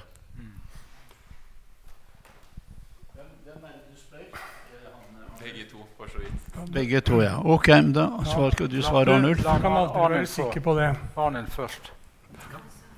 Du kan aldri være sikker på hvordan det utvikler seg, selvsagt. Men eh, sånn som det har utvikla seg inntil nå, så har dette vært en enorm fordel for hele den kinesiske befolkning, inkludert de som bor i Tibet. Bortsett kanskje fra noen munker som var nødt til å gi fra seg makta. Men levestandarden i Tibet har blitt usammenlignbart mye bedre enn det slavesamfunnet som var der før revolusjonen. Det mener jeg er helt, opp, helt åpenbart for de som er opptatt, opptatt av å sette seg inn i det. Når det gjelder kapitalisme i Kina, så vil ikke jeg bruke et sånt begrep. Men det det er i Kina, det er marked, sånn som man har i kapitalismen, og man har privateiendom. Og, og ikke minst så var eh, på et tidspunkt kineserne veldig opptatt av å øke produktiviteten i matproduksjonen. Og det de gjorde da, det var å fordele jorda til bøndene. Og si det at nå skal vi ikke ha den typen kollektivisering som i Sovjet. Dere skal ha deres private jordlapp, og dere kan selge varene på et marked. Altså De fikk på en måte en markedsøkonomi som spredde seg til store deler av Kina for øvrig. Eh, de fikk også privat eiendom. Og hvis du leser hva kineserne mener om det, altså f.eks. Deng Xiaoping, så sier han og andre kinesiske ledere at de som tror at kapitalisme er marked og sosialisme er plan, de tar helt feil. Selvsagt er det marked under eh, sosialismen, og det er plan under kapitalismen. Begge deler eksisterer for å regulere økonomien og ha kontroll.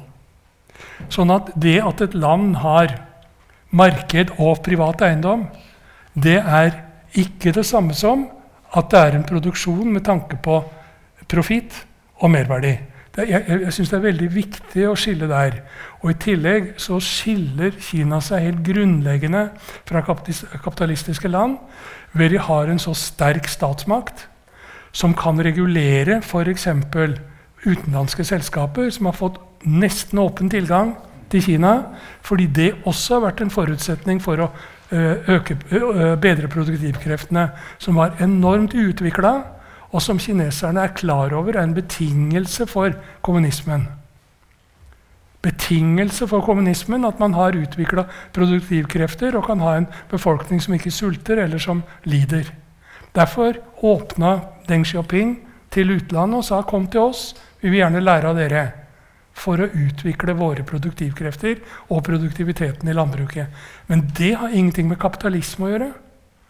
Men, og også det at det er stor lønnsforskjell, som det åpenbart er i Kina. Altså det er en, man, dette beregner man gjerne med en sånn Gini-indeks. Du kjenner kanskje til det? Kina har en Gini-indeks som har økt dramatisk til 0,49. Uh, og det er veldig høyt, nesten like høyt som USA. Man regner med at hvis den er over 0,30, så er det stor ulikhet i inntektene. Det er kineserne i øyeblikket veldig klar over. Og sånn som Kjell var inne på, så vil de ikke bare prøve å, å redusere fattigdommen, vil nok jeg si, da, ikke bare utrydde, men det vil også redusere inntektsforskjellene. Og når det kinesiske kommunistpartiet eh, bestemmer seg for noe, så er det faktisk mye større sjanse for at de klarer å gjennomføre det, enn hvis eh, en eh, regjering i Vesten sier det samme foran valgene. Ja. Jeg vil også forsøke å svare litt på spørsmålet ditt. Jeg har eh, veldig stor respekt for eh, Arnulf sine kunnskaper om Kina. Og jeg setter stor eh, eh kan du si, glede av å studere det som han skriver om sine erfaringer. Og sånt. Og eh, jeg har veldig mye å lære av han. Så på et vis så stiller vi opp her eh, på et vis professoren og arbeideren sammen i et foredrag. Eh, og hvor eh, det kan godt hende at mitt innlegg har mer preg av sånn ja, sånn, Jeg må for all del statuere at jeg er kommunist, og at jeg står for den kommunistiske kan du si, samfunnsteorien i å forklare den. Men bare kort til det her med kapitalisme. Kommunister Eh, generelt som har studert Marx' arbeid skikkelig og grundig, de er fullstendig klar over det at den kapitalistiske produksjonsformen har en enorm til kraft i seg. Og når du da eh, gjør en revolusjon, og du har et samfunn Du, du fikk ikke oppleve det som Marx snakka om, nemlig at revolusjonen skulle komme i et framskredent land, men komme i fattige, tilbakeliggende land så sto de med virkeligheten rett i trynet. Vi har jo en, en, produksjonsmåte i samfunnet vårt som ligger langt langt etter de mest framskredne eh, kapitalistiske landene. Så hva gjør vi? Det vil jo være idioti å si at vi skal, bygge, vi skal bruke 200 år for oss å sjøl finne opp akkurat det som kapitalistene gjør i sin produksjon. Og erkjennelsen er jo helt åpenbar. Nei, vi lærer av dem. For all del. De russiske kapitalistene som ikke vil bekjempe oss, ikke sant? de får lov til å fortsette. Og så får vi trekke våre nyutdanna ingeniører og forskere inn sammen med dem og lære dem og lære dem. ikke sant? Og så lærer vi deres måte å produsere på. En effektiv måte, en ny produksjonskultur. ikke sant? I tillegg til det så innså selvfølgelig Lenin at det ble ikke noe verdensrevolusjon. De hadde jo håpet at flere land i Europa skulle falle og følge deres vei. Men så skjedde ikke det. Og da kom de jo i den skvisen, for å si det sånn, at oi, vi er nødt til å forsøke å bygge det opp. Vi er nødt til å forsøke å bygge opp kommunismen i vårt eget land alene. Med ytre fiender rundt oss og med indre fiender. Og Da innså de selvfølgelig etter hvert at Marx hadde ikke skrevet noen lærebok om statskapitalisme.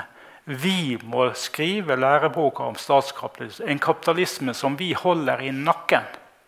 Men som gjør en jobb for oss, nemlig å akkumulere opp verdiskaping, merverdi, som vi kaller det. ikke sant? Bygge opp verdiskaping som vi fordeler ut igjen til vårt eget samfunn. Og det er nettopp det kineserne gjør. De gikk altså inn med Deng Xiaoping. Så vi lærer, som Lenin sier, vi inviterer utenlandske selskaper, og vi bygger opp vår egen storindustri, eh, delvis privat, med private midler osv. Så, videre. så lærer vi. Men vi har taket på den. Akkurat som Arnulf sier, vi har hele tida taket på eh, banksystemet, det finansielle systemet, og vi styrer det. Og med ganske hård hånd også. Og så kommer vi til et steg i utviklinga nå som ingen av oss har diskutert. Du kan ikke greie å bygge opp et stabilt, fungerende, sosialistisk, eller om du vil kalle det som jeg gjør, kommunistisk samfunn. Du greier aldri å bygge opp et stabilt, fungerende kommunistisk samfunn med en mektig imperialistisk ytre fiende rundt deg. Det går ikke an. Hva må kineserne gjøre da? Jo, de må nødt til å skrive læreboka 'Hvordan du tvinger imperialismen i kne'. Og hvordan tvinger du imperialismen i kne uten å gå til full krig imot den? Jo, du knuser han økonomisk. Jeg har lyst til Kineserne selv bruker ikke betegnelsen statskapitalisme. Nei. Og, og det synes jeg det kan være viktig. De kaller Ja. det sosialisme med markedstenkning. Ja. Og, og, det syns jeg er en mye mer presis betegnelse. Fordi etter alle i min forståelse så er ikke dette kapitalisme, selv om de som sagt har privat eiendomsrett og marked. Helt greit. Eh, Før vi holdt innledninga Se oss bare for avklaring. Før vi holdt innledninga oss imellom, så var vi klar over det at vi har litt ulik tilnærming til hele saken. Men vi var også enige om det at vi skulle opptre selvstendig, slik at vi også kunne vise at vi hadde forskjellig vinkling på spørsmålet. Så jeg er helt enig med Arnulf i det. Det er det som jeg syns er interessant med disse to innlederne. At de kunnskaper på hver sin måte uh, har litt forskjellig tilnærming, men at dette her gjør at vi får en, eh, en eh, bevegelse, en uh, kanskje en ny form for uh, forståelse som skjer. Ikke bare av en sånn knallhard marxist og en annen sånn kulturperson. Det er nok mye mer marxist enn du tror. altså. Men da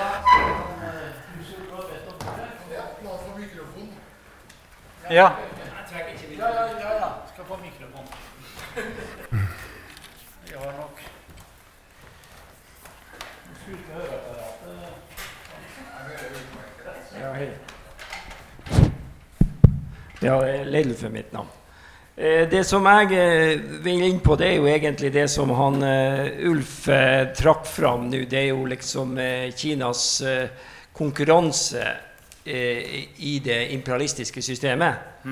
Og, og, eh, og i det så oppfatter jo jeg Kina som imperialistisk. De, eh, de, eh, de har en kapitalistisk økonomi eh, og, og eh, er på verdensmarkedet med den. Og eh, per definisjon så blir det da en, en, en imperialisme. imperialisme. Så ser vi det at de ikke har bruker vold og, og kupp for å komme seg fram i verden, og det er jo bra. Men det er klart at eh, for oss og det er jo klart at for, for oss som er nå i den andre enden av verden, og tilhører det vestlige verden og ser at det her eh, kanskje vi blir, at eh, Kina blir den he, he, får hegemoniet, så er det klart at da er det interessant å spekulere på med den nasjonalismen som Eller den eh, den selvtilfredsheten eller stoltheten som, som kineserne har over sitt eget byggverk. Og, og når de ser at, det er, at de eh, er tjent med eh, en viss utvikling ute i verden Om vi kan forvente at denne eh, formen for imperialisme blir så fredelig framover, det er jeg eh, usikker på. Ja.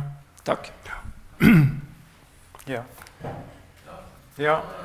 ja ehm, hmm.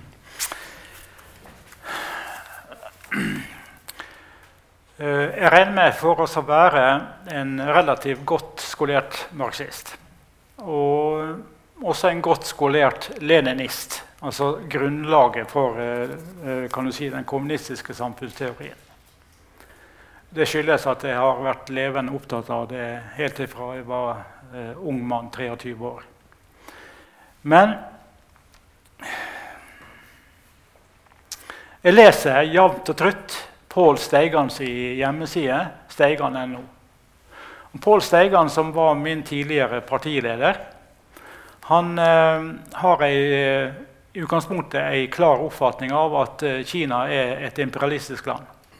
Han sier det sjøl i eh, skrift og tale. Men hvis du følger med Pål Steigan, som er en godt informert person, så vil du oppleve det at han går på gummisåler. Når han snakker om Kina som imperialistisk land, så går han på gummisåler. Han er så begeistra for Kinas utvikling at han har store problemer med å gjenta at Kina er et imperialistisk land. Og jeg sa til eh, noen eh, av deltakerne i salen her at det er bare én måte imperialismen, den vestlige kapitalismen, kan greie å vinne over Kina. Det er å vinne det kinesiske kommunistpartiet. Hvis vi kan si med hånd på hjertet at eh, Kinas kommunistiske parti er erobra av det kinesiske borgerskapet, da kan du med full rette si at Kina er et imperialistisk land. Men det mener ikke jeg. Jeg mener at uh, Kinas kommunistiske parti er, har riktig utvikling. At det ledes av dyktige kommunister. Hvis det er riktig som jeg sier, at de ledes av dyktige kommunister, så kan du umulig og da legger jeg vekt på det. Da kan du umulig konkludere med at Kina er et imperialistisk land. Men som jeg sa, de er kanskje det partiet som skriver den læreboka som må til for å tvinge imperialismen i kne. Og hva, hvordan gjør de som jeg sa? Jo, de har for så vidt ingen annen mulighet til å gjøre det annet enn å tvinge dem i kne økonomisk tvinge dem i kne økonomisk og så bevise at deres utenrikspolitikk er en utenrikspolitikk som verdens nasjoner støtter. Og Da er vi inne på noe som er viktig og interessant. Har du og har vi noe eksempel på nasjoner, nasjoner som uttaler at med sitt samarbeid med Kina så blir de lidende, de blir plyndra og uttappa? Nei, vi har ikke noen. Men vi har flere og flere nasjoner som sier at med våre forbindelser med Kina så får vi første gang i vår historie oppleve at vi får en fantastisk utvikling. Ja, jeg vil starte der fordi det Kina er opptatt av i, i sine relasjoner til andre, det er at de skal ha gjensidige fordeler av det. Mm. Det er de veldig opptatt av. Og som Kjell sier, så er det mange land som har innsett at dette kan være bra for oss. Og så er det bra for Kina. Og det, den måten å forholde seg til andre på, det har jo Kina gjort i 1000 år. Mm. Altså, De har jo vært et handelsfolk over hele verden. De har prøvd å erobre og har klart det verdensmarkedet lenge før etter 1949, som jeg prøvde å vise til å begynne med. Kineserne er jo et handelsfolk. De forsøker å eh, skaffe avsetning for de produktene de sjøl produserer, og kjøpe de eh, varene de trenger, til en pris som ikke utbytter de som har produsert dem i andre land, eller som blir for dyre til at de kan kjøpe dem. Kineserne har nettopp det kan vi trygt si, opplevd å være et lutfattig land. De har opptatt en befolkning som spiste barken av trærne. De vet hva det vil si å være et fattig land.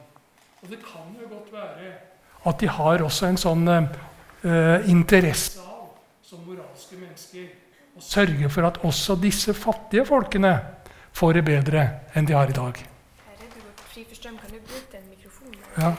Så, så, vi skal ikke ta i, i verste mening det, ja, det, det kineserne gjør. Og jeg tror ikke det er noen grunn til å se på Kinas handel over hele verden som et eksempel på å underlegge seg verden. Tvert imot. Det er et eksempel på gjensidige handelsforbindelser. Og Belt og vei-prosjektet er jo et veldig godt eksempel på det, som går gjennom mange av de fattigste land i verden, som kommer til å ha enorme fordeler av at kineserne eh, tar et grep for å gjennomføre dette. Og så var det dette med nasjonalismen. Ja, det, det er altså en form for nasjonalisme, og den oppsto vel da Kina skulle prøve å, å kaste ut eh, de maktene og de, de, vestlige landene som hadde okkupert dem. Eh, på langt opp på 1900-tallet. Eh, for å kunne klare det så måtte de appellere til en nasjonalisme, at Kina er vårt. Vi skal sørge for å beholde landet vårt. Men det er klart at eh, hvis vi ser på Kina i dag, så har kineserne all grunn til å være stolte. De har all grunn til å se på sitt eget land som usedvanlig vellykka. Og det er ingen grunn til å legge skjul på det. Men det er én ting som kjennetegner den eh, kinesiske nasjonalismen. Og dette har jeg faktisk litt greie på, fordi jeg har undersøkt det i Kina. Det er at den er ikke av den typen hvor man nedvurderer andre. Det er en kjærlighet til sitt eget land. Det er altså mors, moder Kina, som de kaller det, kineserne etter hvert elsker og gjerne vil eh, leve i. For mange av de som reiser ut og ser Vesten, de kommer jo tilbake. Så det er ikke, det sånn grunnleggende diktatur som de flykter fra. Um, men det er en form for nasjonalisme, stolthet. Men uh, den, det eneste landet de har problemer med å godta, det er jo Japan. Og det henger sammen med den grusomme måten japanerne har behandla dem på, ved flere anledninger. Uh, eh, når de okkuperte Manchuria fra 1931 til 1945 okkupasjon som var mye verre enn den tyske okkupasjonen av Norge.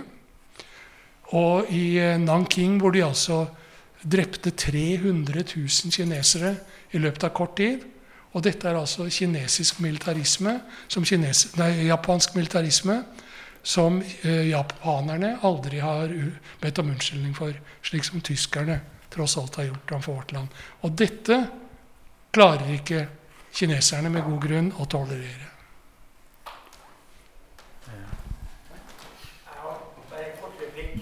Ja. Ok. Bare, bare, før du får det, så syns jeg det er litt uh, viktig å understreke det som uh, Arnulf sier.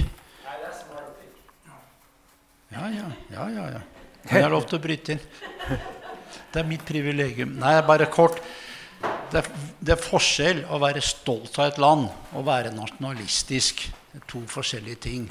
Det er ikke snakk om at man er nasjonalistisk i den forstand at mitt land eller vårt folk, vår kultur, er bedre enn alle andre. Man er stolt av det man har. Jeg har lyst til å understreke. Så kan du få replikken, men du hadde bedt om ordet, du òg. Ja. Men det er bare sånn du ikke tror at jeg har glemt det. Vær så god. Kom med replikken din. Ja. Nei, altså, jeg, det var jo akkurat utfordringa på hva, hvordan er det med nasjonalismen. Jeg syns det at Arne Far har en god sannhetsvitne på på det han sier eh, på akkurat det, eh, så, så, det, men så er det jo også sånn at, eh, at Kina har jo ikke bare handelsforbindelser. De har jo store investeringer i utlandet. Mm. De investerer i infrastrukturprosjekter, og de kjøper til og med land. Mm. For jordbruksland har de kjøpt mm. store områder i Afrika, i Ukraina og, mm. og, og rundt omkring for å sikre sin, sin, sin matproduksjon. Så det er klart at det er litt mer problematisk enn en eh, vanlig eh, butikk på hjørnet. Liksom. okay, men da, gir jeg ordet til deg. Si hva du heter. Alice. Vær så god, Alice. Nei, altså, uh, bare et lite spørsmål.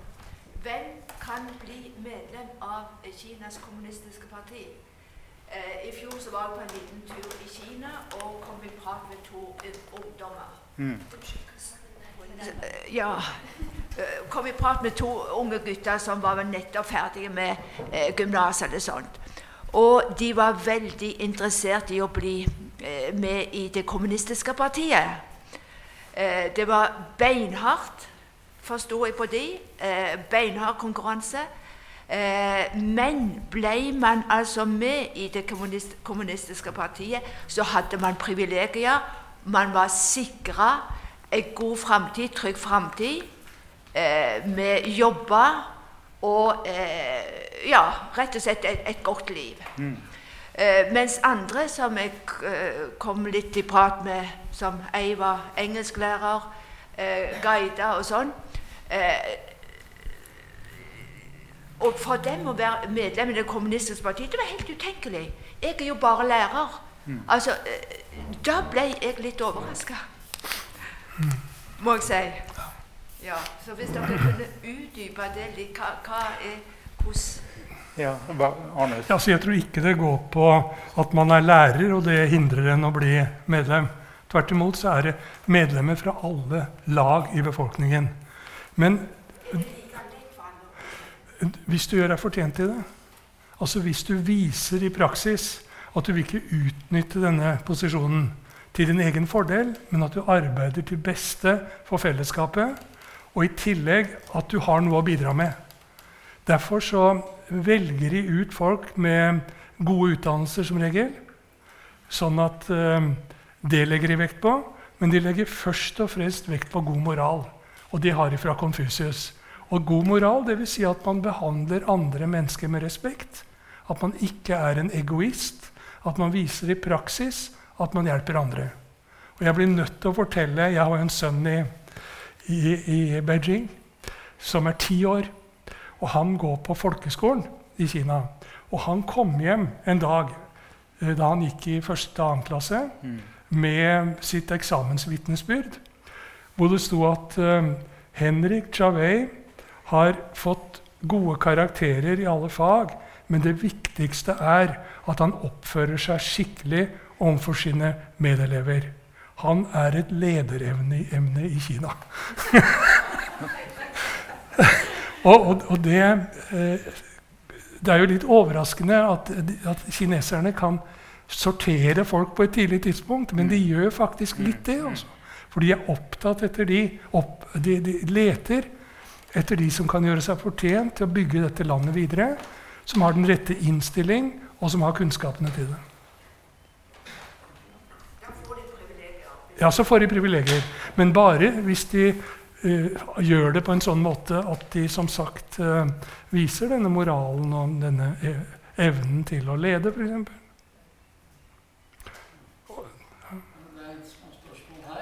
Ja, Kjell Johansen. Eh, litt tilbake til si, den nære historie. Eh, I Vesten og i og for seg i Norge så fremstilles det som om eh, perioden under Mao var helt forferdelig, og at all vekst eh, snakker om de siste 20 åra eller de siste 30 åra.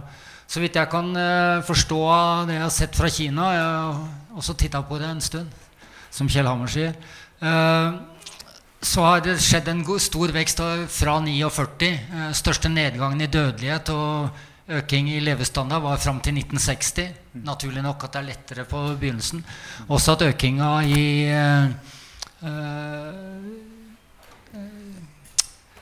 leseferdigheter og alt mulig sånn. Jeg tror at uh, i hvert fall det jeg har lest i og FNs statistikker, tilsier at Arnulf Kolstad har feil. At uh, det var ikke helt utrydda veldig tidlig. Men det største framgangen var jo fram til 60 og videre også fram til 75. da og at det også hadde framgang på med lesekyndighet og alt mulig sånt, spesielt under kulturrevolusjonen, for du fikk mange intellektuelle ut på, på landsbygda og, og, mange steder. da. Så jeg syns at uh, det er viktig å få fram det økonomiske uh, Oppbygginga av Kina starta allerede etter 49, og så hadde du noen tilbakefall under uh, store spranget og, og kulturrevolusjonen. Men jeg syns også det er problematisk å si at det bare var sånn. For det som skjedde også med det store spranget, var jo at eh, Russland trakk tilbake sine ja. eh, sin støtte, og spesielt sin støtte innen industri og alt mulig sånt, som du fikk en eh, store problemer der, i tillegg til at du fikk eh, uår, da, som gjorde at du fikk eh, eh, økt dødelighet, antagelig pga. Av, av sult. da. Uh, men de der tallene og det som framstilles mye i vestlig presse om at de liksom sånn eh, nærmest drepte 30 millioner, det tror jeg er uh, feil. Sjøl om det, del, det hadde en del overdødelighet, og du hadde også mange som flytta fra, fra visse distrikt hvor det var stor var, var sult. da. Sånn at det gir et feil bilde, og det er et forsøk på å framstille som om alt har skjedd etter at Deng Xiaoping overtok. Jeg er en gammel maoist, da, selvsagt. Så jeg er litt mer skeptisk til det. Så jeg kunne gjerne fått en kommentar på det. En andre sider er viktig her òg. Ok, Jeg vet ikke hvem som vil svare. Jeg vil, jeg vil svare litt. da. Eh, og det at eh, Jeg er helt enig med deg. Helt enig med deg. Altså, det har ikke vært mulig på den korte tida av Arnhild for meg og så forsøke å rulle ut Kinas eh, virkelige omfattende historie. Så du har helt rett. Det skjedde veldig mange positive ting helt ifra eh, opprettelsen av eh, Folkerepublikken og helt fram til da Deng Xiaoping tok over som leder av KKP. Å underslå det, det er bare tull. Men vi er nødt til å begrense oss. fordi eh, Hadde vi eh, brukt skikkelig tid for å studere riktig hele den eh, kulturelle og, og industrielle utviklinga som Kina hadde helt fra 1949 og fram til 1978, så det er klart at du ville ha fått et my mye mer mangfoldig og riktig bilde av situasjonen. Det er jeg helt enig i. Eh, også litt om det her med medlemskap i kommunistpartiet.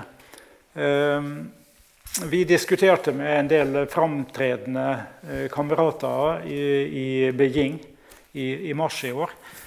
Og eh, Da fortalte de at de hadde satt en bom for eh, vekst i partiet. Altså De mente da at det var ingen grunn for at kommunistpartiet i Kina trenger å bli noe større enn det er i dag. Altså Med ungdomsorganisasjonen og, og hovedpartiet så utgjør det jo 14-15% av hele befolkninga. Og det er, jo, det er, jo, så enormt i seg sjøl. Eh, og Derfor så har de da satt en bom at eh, de ønsker rett og slett ikke å vokse noe mer. Så eh, For å kunne bli medlem i kommunistpartiet i dag, så må det jo da være dem som faller fra og dør. ikke sant? Og det er jo i et sånt kjempeparti så, der, så er det masse folk som dør. Så det er jo alltids tilgang. Men det er vanskelig å komme inn. Og det er helt riktig som Arnulf sier gang på gang her, at uh, du, Men jeg har forklart uh, Arnulf at uh, metoden kineserne bruker med, med, med, ritokrati, altså merittene du gjør, det, det er ikke noe nytt, egentlig innenfor kommunistisk forståelse. fordi Jeg sa til han at eh, oss kommunister imellom vi er veldig klar over et begrep som vi bruker som medlemmer, nemlig at vi er kadere. Vi er kadere av et parti. Og da har vi noe som kalles for kadervurdering. Altså Din innsats for kommunistpartiet, også i de vestlige kommunistpartiene, blir vurdert hele tida. Gjør du jobben din som kommunistisk medlem? ikke sant? Så det er også eh, en del av den vestlige kulturen som også ligner på det meritokratiet som Arnulf snakker om. Eh, bare kort eh, Det er vanskelig for eh, ungdommer å komme inn i det kinesiske kommunistpartiet. Og de gjennom, Kommer de inn, så må de gjennom en, eh, en statlig partiskole på minst tre år. Og de blir testa ut hele tida. Og i ettertid, når de blir satt inn i de forskjellige jobbene og, og, og, og posisjonene i samfunnet, så blir de hele tida vurdert hvordan du utfører arbeidet ditt. Er du moralsk høyverdig? Står du for folket sine interesser? Eh, gjør du jobben skikkelig og, ordentlig, så har du muligheten til å utvikle videre innad i partiet. Ja, dette rekrutteringssystemet her, det er, jo, er jo tradisjoner for i Kina. Mm. Gjennom det keiserlige eksaminasjonssystemet, som mm. eksisterte i flere hundre år. Mm. Hvor de som skulle bli eh, byråkrater eller ledere for keiseren, de måtte gjennom et eksaminasjonssystem. Alle kunne prøve seg. Det var ikke sånn at selv den fattigste i landsbyen kunne forsøke å bli en eh, tjener for keiseren. Og eh, det var det veldig mange som forsøkte. Og på bakgrunn av det så valgte de ut de som, som scora høyest. Og Det er, en, det er avskaffa, akkurat den måten å gjøre det på. Men, men, de har bevart denne tanken om at de som skal lede vårt land, de bør ha kunnskaper til det, og de bør ha moral til det. På samme måte som en eh, skipper som skal styre et skip. Mm. Han bør ha kunnskap til det. Og en som skal lede et land, bør også ha det. Og så solid erfaring. Ja, og, ja. Men, men, når det gjelder uh, dette med analfabetismen, så er jeg jo helt enig i det. Og også at uh, veksten i Kina starta lenge før uh, Deng Xiaoping fikk overtok. Og Derfor så sa jeg i mitt foredrag at Kinas dynamiske vekst begynte i 1950, da kommunistpartiet gjennomførte en jordreform som ga land infrastruktur, kreditter til hundrevis av millioner landløse og fattige bønder. Og dette ble ryggraden i det moderne kinesiske samfunnet. Så det er helt åpenbart at dette begynte før Deng Xiaoping. Og jeg tror nok også, som du sier, at uh, kulturrevolusjonen hadde ikke bare negative effekter. Jeg har truffet kinesiske kollegaer som sier at de var glad for å kunne få den erfaringen å reise ut på landsbygda og se hvordan bøndene levde, og gjøre en innsats der. Uh, så det var ikke bare negativt, det var faktisk også en lære, lærerikt. Og det førte da til at, som du sier, at uh, analfabetismen sank. Én ting er jeg ikke helt enig med deg i, og det er at den store veksten i forventa levealder den skjedde på det tidspunkt. Jeg tror du har sett en økning i forventa levealder også i de siste 20 år, som har vært ganske fantastisk. Altså, kinesiske kvinner lever nå like lenge som japanske kvinner, som har vært de som lever lengst i hele landet. Og dette skjer også i storbyene, som vi tror at folk dør av forurensning og avgasser fra bilene. Men eh, også der så øker eh, Og den er, minst like høy som i Norge. Vi skryter av vårt helsevesen. Og det har sammenheng med at kineserne lever et enormt sunt liv ved å spise grønnsaker og drikke vann, for å si det enkelt. Og det er godt.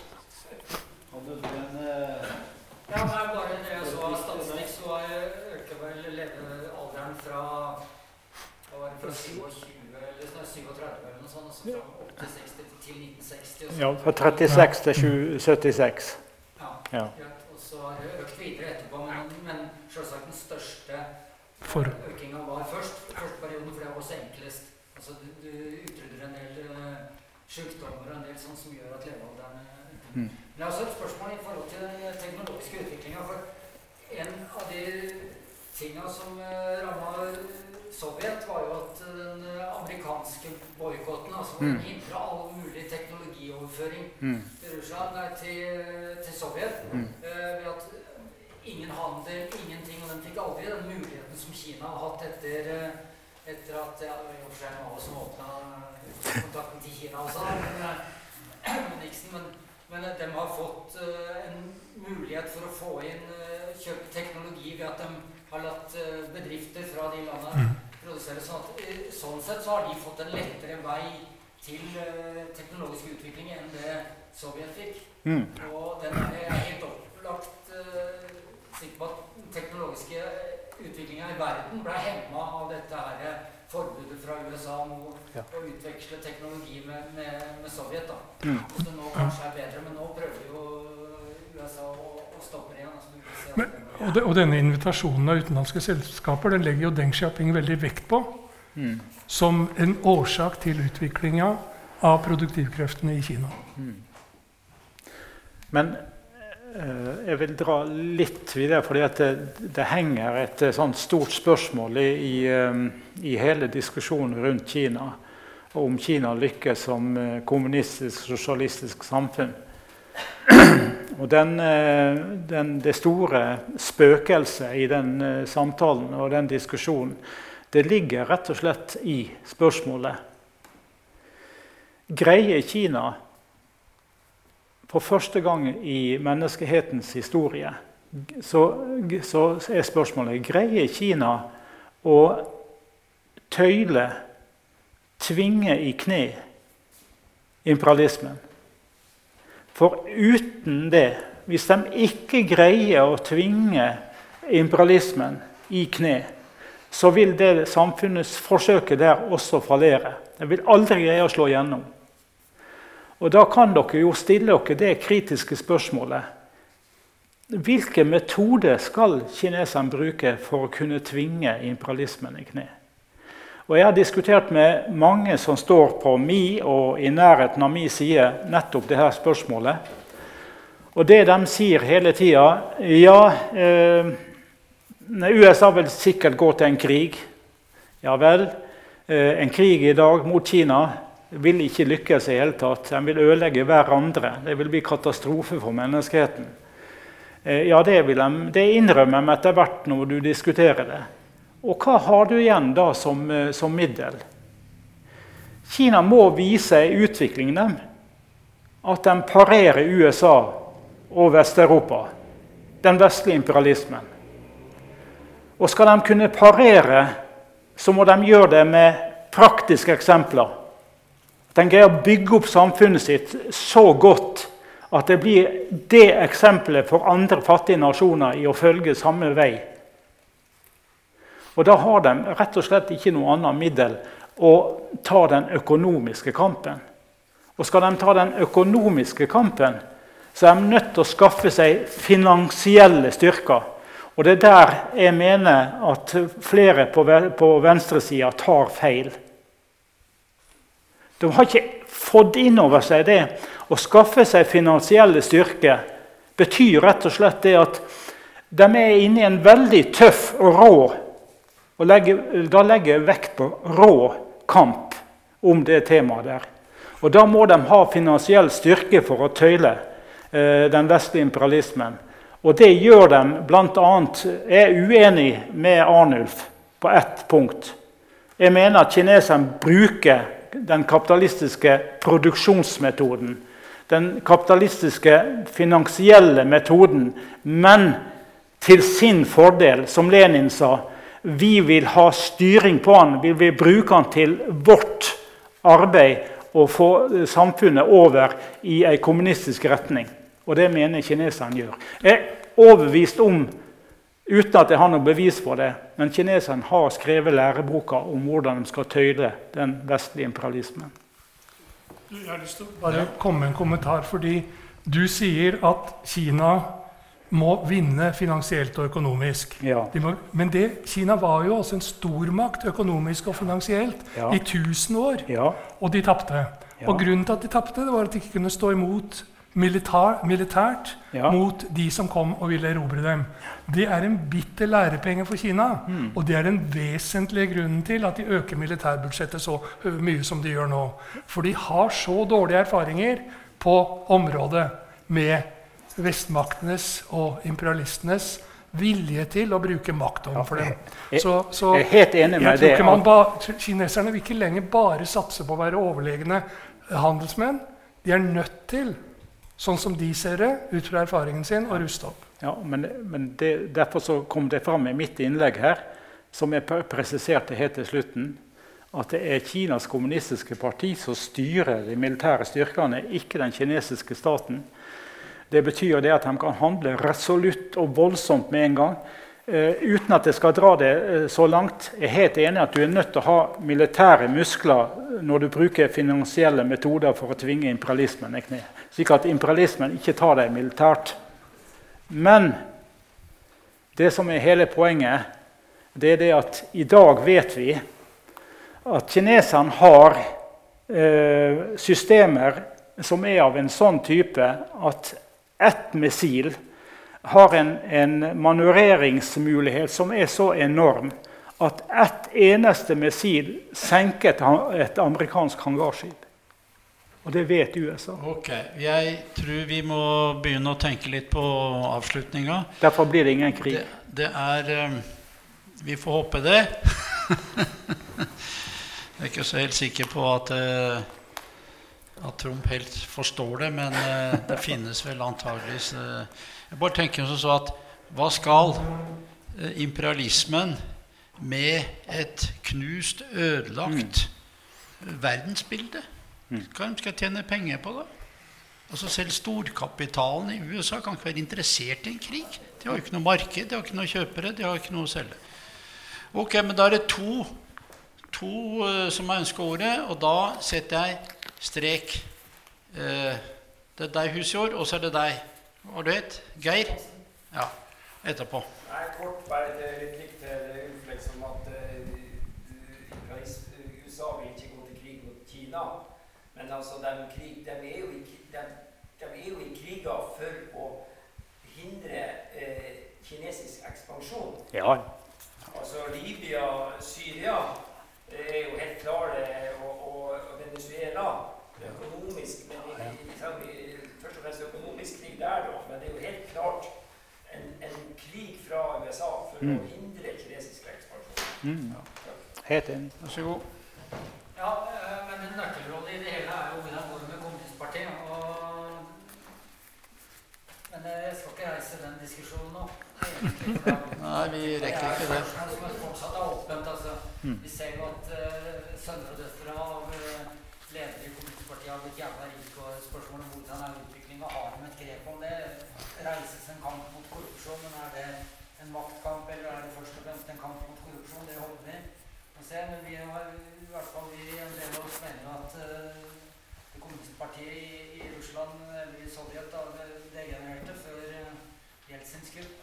Og spørsmålet hvilken vei går det videre? Dette er avgjørende for hvordan Kina går videre på lengre sikt. Det er en stor diskusjon, så der foreslår jeg Ja, jeg er helt enig i det. Og, og kanskje enten Kjell eller Arnulf har en kort svar på det. Uh, hele denne debatten her må jo gå videre. Vi er ikke ferdige med det. For nå begynner vi virkelig å komme inn i de interessante temaene. Og forsøk på å analysere hvordan veien går videre med Kina. Ut ifra våre politiske erfaringer, deres eh, politiske erfaringer, kunnskaper osv. Og jeg syns denne debatten er utrolig viktig fordi den såkalte, jeg kaller den såkalte venstresida Jeg vet ikke lenger hvem som tilhører der. Alt mulig rart kaller seg nå eh, både grønne sosialister og kristne sosialister osv. Men den debatten har faktisk vært unngått. Den har ikke vært der på lenge. Det er liksom bare noen som har slått fast at ja vel, Kina er sånn og sånn og sånn. Ferdig med det. Så jeg, jeg tror, øh, og her er- sitter jo to som er veldig oppdatert, som har kunnskaper. Jeg tror det er veldig viktig å få fram de kunnskapene. Ikke for å sette en diagnose på Kina og sånn og sånn, men for, å- for, å- for å forstå hva som skjer, og hva vi kan forvente. Og særlig, som du var inne på, Husord, Kinas og, og, og Russlands posisjoner i forhold til Libya, Syria. Utrolig viktig for å demme opp i hvert fall det vi godt kan kalle for USA-imperialismen. Uten de kreftene så tror jeg verden hadde sett enda verre ut i dag. Eh, hvis ikke du hadde hatt eh, stormakter som Kina, jeg vil si Russland, India, denne Shanghai-gruppa og BRICS-gruppa. Veldig viktig. Så jeg vet ikke om du skal si noe til slutt? eh, Svare på det Jeg, jeg, spørsmålet? Jeg har lyst til å komme tilbake til det jeg begynte med, med Mo Yan, som sier at han tror på kommunismen som en drøm som kan realiseres i Kina, her på jorda. Og, og det som overrasker meg, det er at du finner mange, til og med på venstresida, som tror de skal komme til himmelen etter døden, og som ikke tør å ta ordet kommunisme i sin munn for å bygge dette her.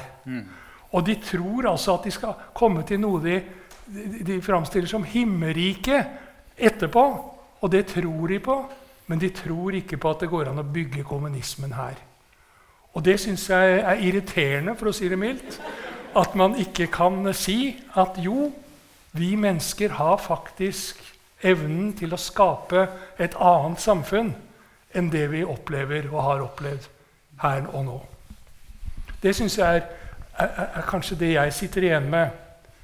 Eh, Både ut fra hva Maoyan sier, men ikke minst ved å ha satt meg inn i hva kineserne forsøker å realisere. Og så kan det være at de mislykkes på en eller annen måte, eller at det går skeivt, at de blir like eh, ødelagt som eh, man har sett i andre land. Men det er ikke sikkert. Og, det, og min oppfatning er at de forsøker å ta sine forholdsregler på en litt annen måte. De lærer av erfaringene fra andre land som har kjørt i grøfta. Og, eh, men, men de lærer ikke på den måten at de gjentar verken feil eller det som har fungert, fordi de er nødt til å utvikle sin egen form for sosialisme. Sosialisme med kinesiske særtrekk, som de sier. Og hvis eh, Kjell sier at han er godt skolert marxist, så tror jeg faktisk han er mye bedre skolert marxist enn de fleste kinesiske kommunister. Ja vel, det var litt av Men eh, et lovord. bare et ord Da, til- da, da, da vil jeg si nei, nå Nei. runder vi av. Ellers så blir vi kasta ut her. Nei, jeg vil bare si tusen takk for uh, dere som møtte opp. Synd at det var noen som måtte gå. Men det er klart det at uh, etter sånne innlegg så er det jo ofte jeg vil si, diskusjonene, innleggene, de syn som kommer fram, som er det mest interessante.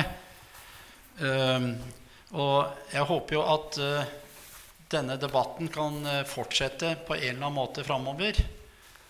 Og jeg vil i hvert fall si at som jeg begynte med, at uh, Friheten er en avis som ikke skal være uh, si en slags uh, internt medlemsblad som bare siterer Lenin eller Marx, men har en bredde av interessante ting og, og, og, spørsmål både nasjonalt og internasjonalt.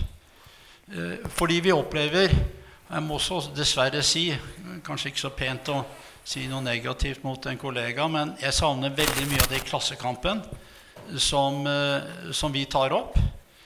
Uh, Syria, Ukraina, uh, debatten om Venezuela, den vet jeg har vært veldig splittende i, i, de kretsene der. Det ønsker vi å ta opp. Ikke for at vi har rett, men for at det skal komme inn andre synspunkter. Mm. Altså, vi hører jo bare om eh, han Guido og hans uh, følgesvenner og, og, hvor viktig han er. Men det er veldig sjelden at vi får et intervju med noen av de som støtter den bolivarianske revolusjonen, eller som kan si noe på vegne av enten militæret eller regjeringa. Det kommer nesten aldri fram. Når vi får tak i det, så vil vi eh, få det på trykk og få det offentliggjort. Sånn er det med mange andre spørsmål. Kina har vært et spørsmål som vi har interessert oss for i lang tid. Og vært veldig heldige at uh, han uh, Arnulf uh, har skrevet mange fine artikler der. ellers har vi også andre som har skrevet om Ukraina, hva som skjer i Russland osv. Så, videre. så dette er selvfølgelig en reklame for friheten. Men for å vise at det jeg sier nå, er riktig, så ligger det noen eksemplarer av Friheten der ute som dere kan ta med dere og eh, kikke litt på den. Og hvis dere syns avisa er ok, så kan dere ta et prøveabonnement på tre måneder. Det er ikke noen forpliktelser i det. Så eh, da avslutter vi dette. Og øh, vi vil da Hva? Kan ikke vi si at vi legger ut de to artiklene? Disse to ja. ja. Også de innleggene som uh, Kjell og Arnulf har hatt, eller ja, har fortsatt, de blir lagt ut på, på nettet eh, under eh, friheten. Og der kan dere laste dem ned, slik at dere kan få dem på, på papir. så det er bare å gå inn på friheten.no. Så finner dere de innleggene der. Ok, så takk for oppmøtet. Og så vil vi ta et initiativ eh, til neste år eh, med et annet tema. Og da vil vi også prøve å få fram eh, synspunkter som ikke er så veldig lett å få tak i andre steder. Og så sier jeg det at hvis dere har noe på hjertet, kom med det. Skriv til Friheten. Vi er veldig rause både med spalteplass Men det er to ting vi ikke aksepterer. Det er eh, rasistiske innlegg, eh, diskriminerende innlegg, enten det er eh, kvinner eller hva det måtte være, eller seksuell legning. Og heller ikke eh, rasistiske, fascistiske eller diskriminerende innlegg. Og vi er heller ikke ute etter å henge ut folk. Vi er ikke noe sånn tabloidavis som er ute etter Giske og, og alt dette her. Det får andre ta seg av. Ok, takk for nå.